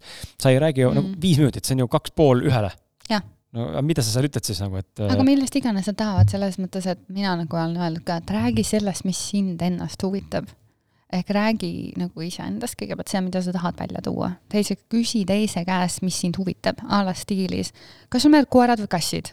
no sealt sa saad juba ühe filtri näiteks, kas sa oled koerainimene näiteks, vaata, mina olen väga tugev koerainimene, siis mina olen nagu see, et ütleb, et tal on mingi kodus viis kassi näiteks, siis ma mingi um,. ma lähen teise lauda. jaa, kusjuures jah, ma, vaata, sealt on kohe see filter ära, on ju. sul on palju lihtsam tegelikult niimoodi ja siis noh, ma ütlen, küsi neid asju, mis sinu jaoks on olulised. ehk siis äh, need esimesed filtrid alati ära teha, vaata. no alati on põnev küsida see, mida nad, mida nad teevad või näiteks see, mis su silma särama paneb, mis su südame põksuma paneb, mis on nagu see, mis sinu, sinus elevust tekitab näiteks. et noh, aru saada selle inimesega sellest mõtlemisest natukene et noh, alati hea küsimus on, kas ananass käib pitsa peal, on ju. et see on alati hea küsimus, noh, ma ütlen kodu, kodurahu huvides, vaata, noh, tulevikus. et kas me sööme sama toitu kas või. minu arust on see aina olulisem, siis mina mõtlen enda pealt, siis mina, minu jaoks kindlasti on oluline, minu mees sööb nii, nagu mina söön. arvestades, et minu tuleviku kodus ei ole gluteeni ega laktoosi, sellepärast see on minule eluohtlik. et noh siis ongi see, et kui meesterahvas ütleb, et ta on, sööb mul pitsat, pastat ja põhimõtteliselt purksi, on ju, ja põhimõtteliselt kõige lemmiktoit ongi burger, on ju, rohke juustuga, noh siis on, minul on see, et noh, minul ei ole see eelistus järelikult arvatavasti ei klapi nii hästi ja ma ei hakka sind ümber kasvatama. ehk siis ei ole minu ülesanne kedagi ümber kasvatada vaata suhtes. ja aga need, need, ma ütlen, et sellel hetkel nad peavad ikkagi küsima neid asju, mis neid ennast huvitavad eelkõige väga huvitav, ma üritasin nagu mõelda, et mida mina nagu küsiksin, et ma ilmselt küsiksin, äh, mida ta sööb. ehk siis dieet või nagu mm -hmm., noh, isegi dieet on kõla nagu, nagu näljutamine, aga diet, sinu toitumis. elu, noh elustiil jah. jah. Kas sa usud ufod, ufosid või maavälist elu? Äh, kas sa tarbid alkoholi, suitsu mm,? väga hea küsimus. ja kas sa oleksid valmis autos elama? jaa, samuti hea küsimus ja vist rohkem mul ei olegi, mis mind nagu väga niimoodi crucial'i nagu väga huvitaks, nagu need on need, äh, mis annab mulle aimu juba, mis inimesega tegemist on. Ehm, no tegelikult on ju väikesed, tegelikult on ju te-, noh, väga lihtsad laused, mille järgi sa tegelikult jaa, no muidugi, aga see ongi see, noh, aga samas see on jällegi see, et inimene võib ka muutuda sinuga koos, on ju, me võime kõik kasvada kokku ja lahku, on ju, võib-olla äh, van life ei ole täna sulle, aga võib-olla kahe kuu pärast avastad, et issand, kui tore tegelikult oleks tõesti autos elada mõnda aega ja siis tegelikult mõtled, et noh, et ütled mulle praegu ei, aga tegelikult on, tegelikult on õige partner, aga täna ei ole selleks valmis, on ju. noh, aga loomulikult me peame tegema siis otsused tol hetkel seal selle info põhjalt, on ju. Äh, tahtsin küsida sinu käest ka seda, et äh, seoses selle kiirkohtingu ka, et millised inimesed tegevad selle, kui kuulaja praegu kuuleb, näiteks tekib tunne, et tahab tulla, no meil on väga palju naisi, seitsekümmend protsenti on naised. tuhanded kuulavad praegu. et kui nad tahavad tulla kiirkohtingule ja on vallaline, siis millised mehed seal nagu käivad või millised inimesed üldse käivad, kas ma nüüd üritan nagu mitte üldse kedagi halvustada, aga stereotüüpsed nagu, et kas teil on seal machomehed siuksed, eks ole, on ju, või on siuksed IT-kutid, kes äh, ei oska ennast, hästi introvertsed, äh, või on sul sellised äh, panomehed või on sul sellised imelikud, kes umbes võib sind öösel noaga kõri läbi lõigata, on ju. või on, või kuidas, millised naised seal on, kas on see, kes on peolembelised, kes otsivadki endale perekonda, kes on tegelikult juba lastega, ma ei tea, kes tahavad, millised inimesed on, kes käivad seal? Meil ei ole ühest sellist nagu. Mm, -hmm. meil ainus, mis meil on, et äh, vanuses kakskümmend viis kuni nelikümmend viis, aga viimased asjad, viimased kohtingud on näidanud, et tegelikult nii no, naised ja mehed on kolmkümmend pluss, ehk siis nad jäävad kõik sinna kolmekümnendatesse, et suhteliselt vähe on neljakümnendates, aga noh, ma ütlen, meil on teisest see luba, see lubadusskaala on päris suur, vaata. Aga meil on jaa kõike tõesti, et kui ma nüüd väga tagasi mõtlen nende inimeste peale, kes, meil on olnud IT-poisse meil on olnud neid, kes on, meil, meil panomehi ei ole, selles mõttes, et äh, see on juba teine mindset, vaata. et äh, üldjuhul on ikkagi need, kes tulevad sinna sellele üritusele, on ikkagi nagu teadlikud, et nad otsivad kedagi pikemaajalist. ehk siis nad ei otsi sellist ühe öö suhet või nad ei otsi nagu üleminekusuhet, nad otsivad ikkagi nagu midagi kindlamat ja üldjuhul nad on ikkagi olnud üksinda kauem, ehk siis kolm kuud pluss on üksi nagu alalised olnud, et kauem. Kauem, kolm kuud on päris pikk aeg selles no, mõttes, kolme kuuga sa saad juba päris hästi oma sellest organismist välja selle suhte. kuigi ma nagu, noh, üldiselt meil on see, et me oleme natuke sellised äh, pelglikud võib-olla on hea sõna, kui nad on kolm kuud, et siis ei tea, vaata noh, mida ta nagu selle kolme kuu jooksul ära jõudnud teha on, et võib-olla istus kodus ja üksinda nutis, on ju, seal mingisugune jäätisetopsiga, on ju. eile viskas sokid ära alles hiljuti, on ju, et ja, nüüd tuleb kohtingule. ja, jah, tuleb just, on ju. et selles mõttes me noh, ikkagi, me ikkagi nagu eeldame ja loodame, et inimesed, kes tulevad, ongi nagu vallalised ja on olnud nagu vallalised natukene aega, et no vähemalt ikka kuus kuud pluss, on ju. et nad tulevadki nii, et selle teadmisegagi, et see organismist on väljas ja nad ongi nagu võimelised nii nagu uut suhet looma. ehk suhet me ju loome tegelikult. see on ju täpselt see, et nagu sa ütlesid, ma olen see kokkukasvamine, kõik see, aga mis ma tahtsin ennem kommenteerida, ma ei usu seda äkki, et äkki talle hakkavad need asjad meeldima, aga äkki ei hakka selles mõttes, et viiskümmend protsenti on see võimalus ju vaata. et noh, sina nii loodad, sa tahaks nii vänniga mingi kämpima minna mingi aastateks kuhugi reisile ja siis sa alustada suhet ja siis sa saad aru, et peale mingi kolme aastat, et ei, siit ei tule midagi. et nüüd on hotellielu ja põhimõtteliselt igavesti, on ju. et äh, noh, ainus kui variant, kuidas sa nagu saad naise reisima, siis ongi see, et viie tärni hotelli, on ju. et äh, see äkki ei tööta ja ma arvangi, vot see on jälle see settling, me jõuame sinnasamma tagasi selle leppimise juurde mm. -hmm. et sa nagu lepid sellega, et äh, sa ei saa seda, mis sa tegelikult soovid. jaa, täpselt. tegelikult sel hetkel sa ju tegelikult ei saa. ja minu arust on nagu väga kurb on see, kuidas me nagu ennast lollitame, tegelikult see on ju enda petmine, see on nagu puhtalt enda petmine, endale valetamine ja see minu arust on kõige kurvem on see, et inimesed ei julge üksi olla nad hüppavad suhtes sellepärast, et nad äh, selle hirmuga, äkki ma ei leia järgmist või nad ei ole nõus seda suhet nagu lõpetama, sellepärast et äkki no järgmine tuleb hullem. või, või, või ei tule üldse. jaa, äkki järgmine on parem. miks sa mõtled selle peale, et järgmine on hullem, vaata, minu arust see on nagu see nagu päris nagu sihuke limiteeriv. et minu arust peaks just nagu mõtlema selle peale, et ma ei ole õnnelik ma ei ole praegult õnnelik, mida ma saan teha, et olla õnnelik. ehk siis, mis on minu võimuses praegusel hetkel ja ainus, mis sinu võimuses sel hetkel ongi see, astu välja sealt. kui sa ei ole nõus teraapiasse ja mingi psühholoogi, terapeudile mingi raha panustama ja selle nimel, selle praegusel, praeguse nagu mitte tegelikult äh, funktsioneeriva suhte äh, nimel tööd tegema, siis on ainus variant on see, et sa astu sealt välja, lased teine inimene iseennast vabaks ja siis liigu edasi. et ennem sa tegelikult ei saa ju õnnelikuks mm, -hmm. oleme ausad tahtsin midagi öelda, aga, tahtsin midagi öelda, aga mul läks äh,, läks millegi meelest ära, ju siis tahtsin äh, valetada midagi oli jah, sellega suhetega seoses mingisugune, vot ei tule. no siis ei tule. Ähm, käime üle veel ähm, niimoodi sinu kogemuse juures esmakohtumiste, ütleme sellised äh, no üks, kaks või kolm tükki mingit niisugust eriti olulist reeglit, mida, mis, mida võiks järgida, mis suure tõenäosusega toovad ka soovitud tulemuse, ehk siis mingisuguse edu kas sinust teise silmis või siis teil ühise eesmärgi suunas äh, liikumise nii-öelda soodustamiseks. mis on need sellised reeglid, mida võiks kindlasti jälgida? kindlasti on see, et ole avatud, ole avatud nagu teisele inimesele, ära, ära, see inglise keeles on parem see don't judge. ära mõista hukka. ära mõista hukka, ära pane silte, kuula teda, proovi teda mõista, proovi aru saada, kas ta on sinu inimene. kas seal, äkki selle, äkki see on kaitse, äkki see on selle inimese kaitse sel hetkel või mingi stereotüüp, mille ta on õppinud, mingi muster, mida ta on õppinud, vaata. proovi nagu ollagi avatud südamega sellel hetkel kui sa nagu, selles mõttes ainus variant tegelikult suhet alustada ongi avatud südamega. Ehk siis sa lased selle inimese sisse. see, kui sa oled kinnine ja endasse sulgunud, siis keegi ei tule seda sinu südame, seda ust lahti murdma jõuga, et sa pead ise lubama selle inimese sisse. kindlasti ole aus. ole aus iseenda ja oma partneri vastu. ole aus oma lähedaste vastu, oma lähedal olevate inimeste vastu.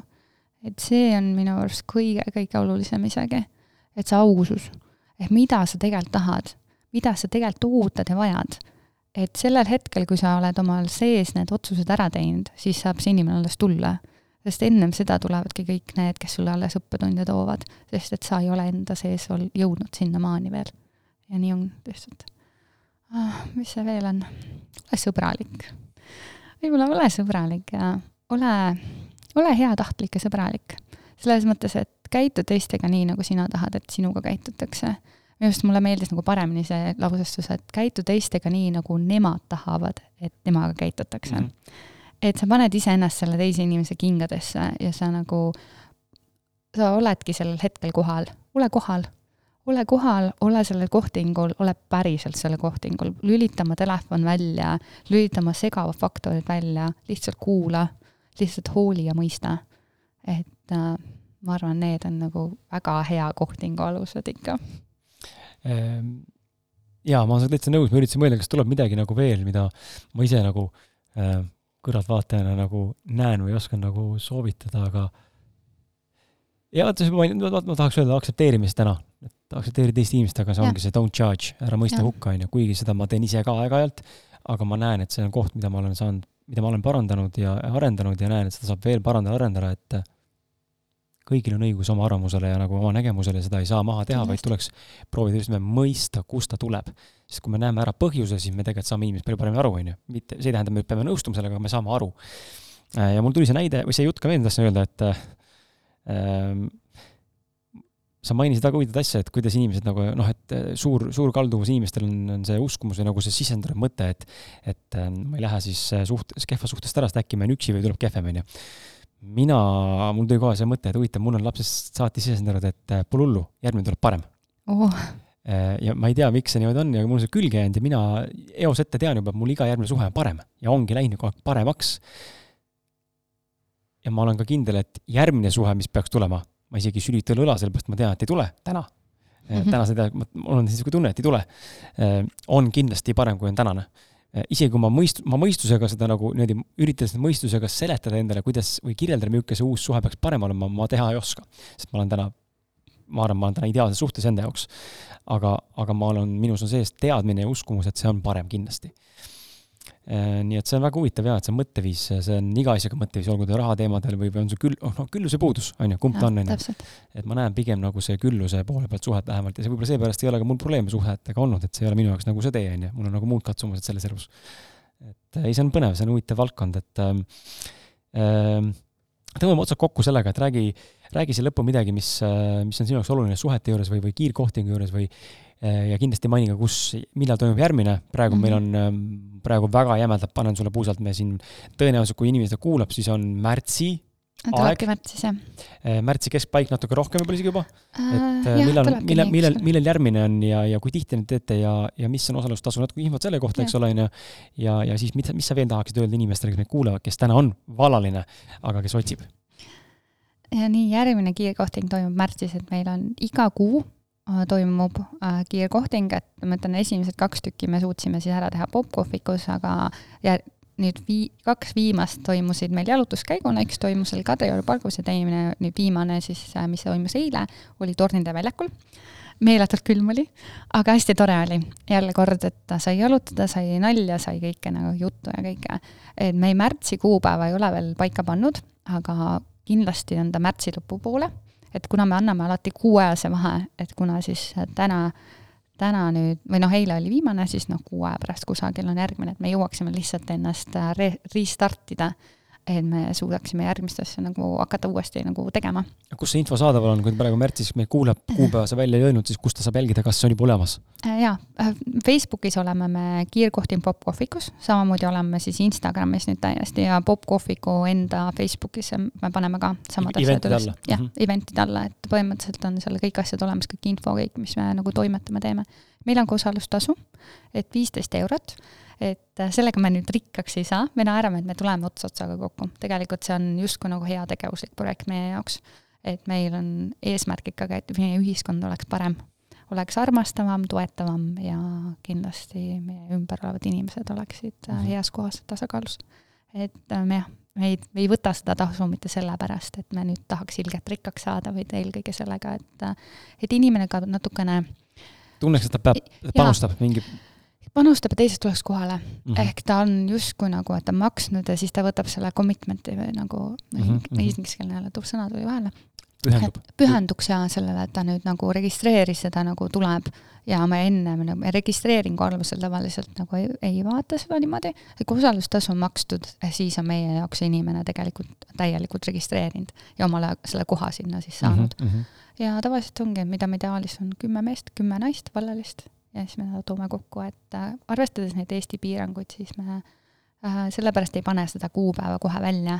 me räägime natukene Tiiaga omavahel läbi, et millal see oleks meile nagu mõistlik meie enda jaoks, enda ajagraafikus, pluss siis see, et äh, riigi mõistes mm, -hmm. et kuidas me saame seda majandada, et noh, ma ütlen, et viimased kaks tükki me viisime ikka õue, sellepärast et me ei saa lihtsalt popkohvikusse tuua kokku sest popis on viiskümmend protsenti täituvus, aga kuna popp on hästi nunnu ja armas ja hubane kohvik, siis me ei, lihtsalt ei mahu ära sinna. et selle eesmärgi me lükkasime ennast õue. arusaadav tahad sa midagi lisada lõppu veel? on sul midagi öelda? jaa, ma tahaks öelda inimestele, et äh, kui sa oled vallane, siis kindlasti tule meie, meie meelelahutuslikule üritusele ja samuti ma tahaksin kõigile valla eest öelda ka seda, et ärge leppige ärge leppige vähemaga kui perfektne teie jaoks. et perfektne ei tähenda mitte seda, et olekski nüüd täiuslik, teeks kõike täiuslikult, vaid et oleks sinu jaoks perfektne. ehk siis ta oleks, tal oleks kõik need omadused, mida sinul on vaja ja sina tahad, et tal olemas oleksid. et ma arvan, et see on võimalik, nii nagu me näeme siin põhimõtteliselt äh, äh, näeme siin teiste inimeste pealt ka, tegelikult need ideaalsed suhted on võimalikud. ärge leppige vähemaga sest olete rohkem väärt.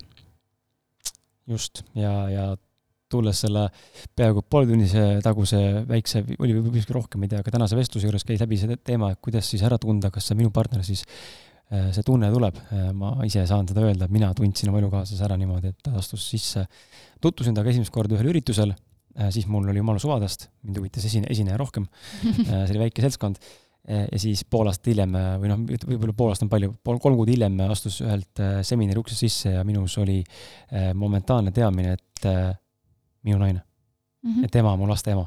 nii käib see. ja siis ma tegin, ma tegin sammud. ta oli suhtes tol hetkel, aga ma tegin sammud.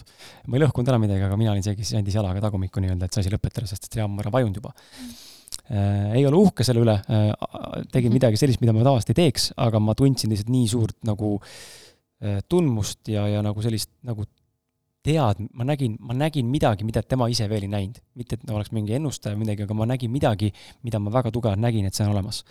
Ähm, ja noh, täna on, täna ma selle vilju nii-öelda siis nagu maitsen, kaua seda me ei tea, aga jaa, kui on tunne, siis see tunne tuleb, te tunnete ära, kui on see partner, siis te näete seda inimest nagunii. nii et äh, jaa, äge, äh, aitäh sulle, Daisy!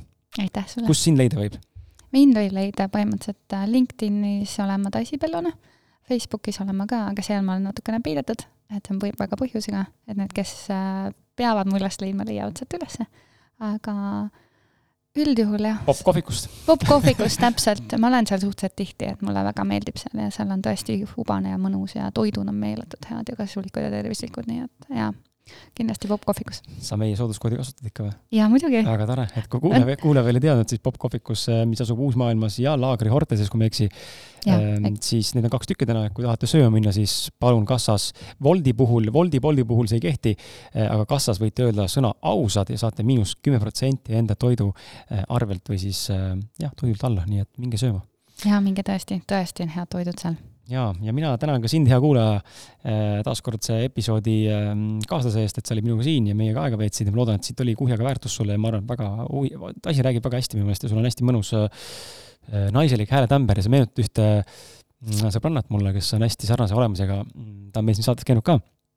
Anne Laun, ma ei tea, kas sa oled kuulanud ole, aga teil on hästi sarnane hääletämber ja hästi sarnane ähm, kõnemaneer ja selline, selline ma ei oska seletada, see on mingi signatuur on hästi sarnane niimoodi, et mul on tunne natuke, ma siis suhtleks nagu temaga äh,, nagu sa oled, ühesõnaga väga, väga sarnane midagi teeb, soovitan kuulata mm, -hmm. vaata, kas resoneerud äh,. ta on coach. kindlasti kuulan. et äh, mitu saadet on temaga ja, ja, ja siis ega ei ole midagi äh,. aitäh sulle, hea kuulaja, ja tee mulle teene, jaga seda saadet ühe enda sõbraga või too üks uus kuulaja mulle ja sellega sa aitad mind ja ka tänast saatekuulalist, tähendab saatekülalist ja kõiki järgnevaid ja ka eelnevaid saatekülalisi. nii et äh, egas midagi äh,. Aitäh veel kord ja kohtume sinuga juba järgmises äh, saates. tšau, pakaa! tšau!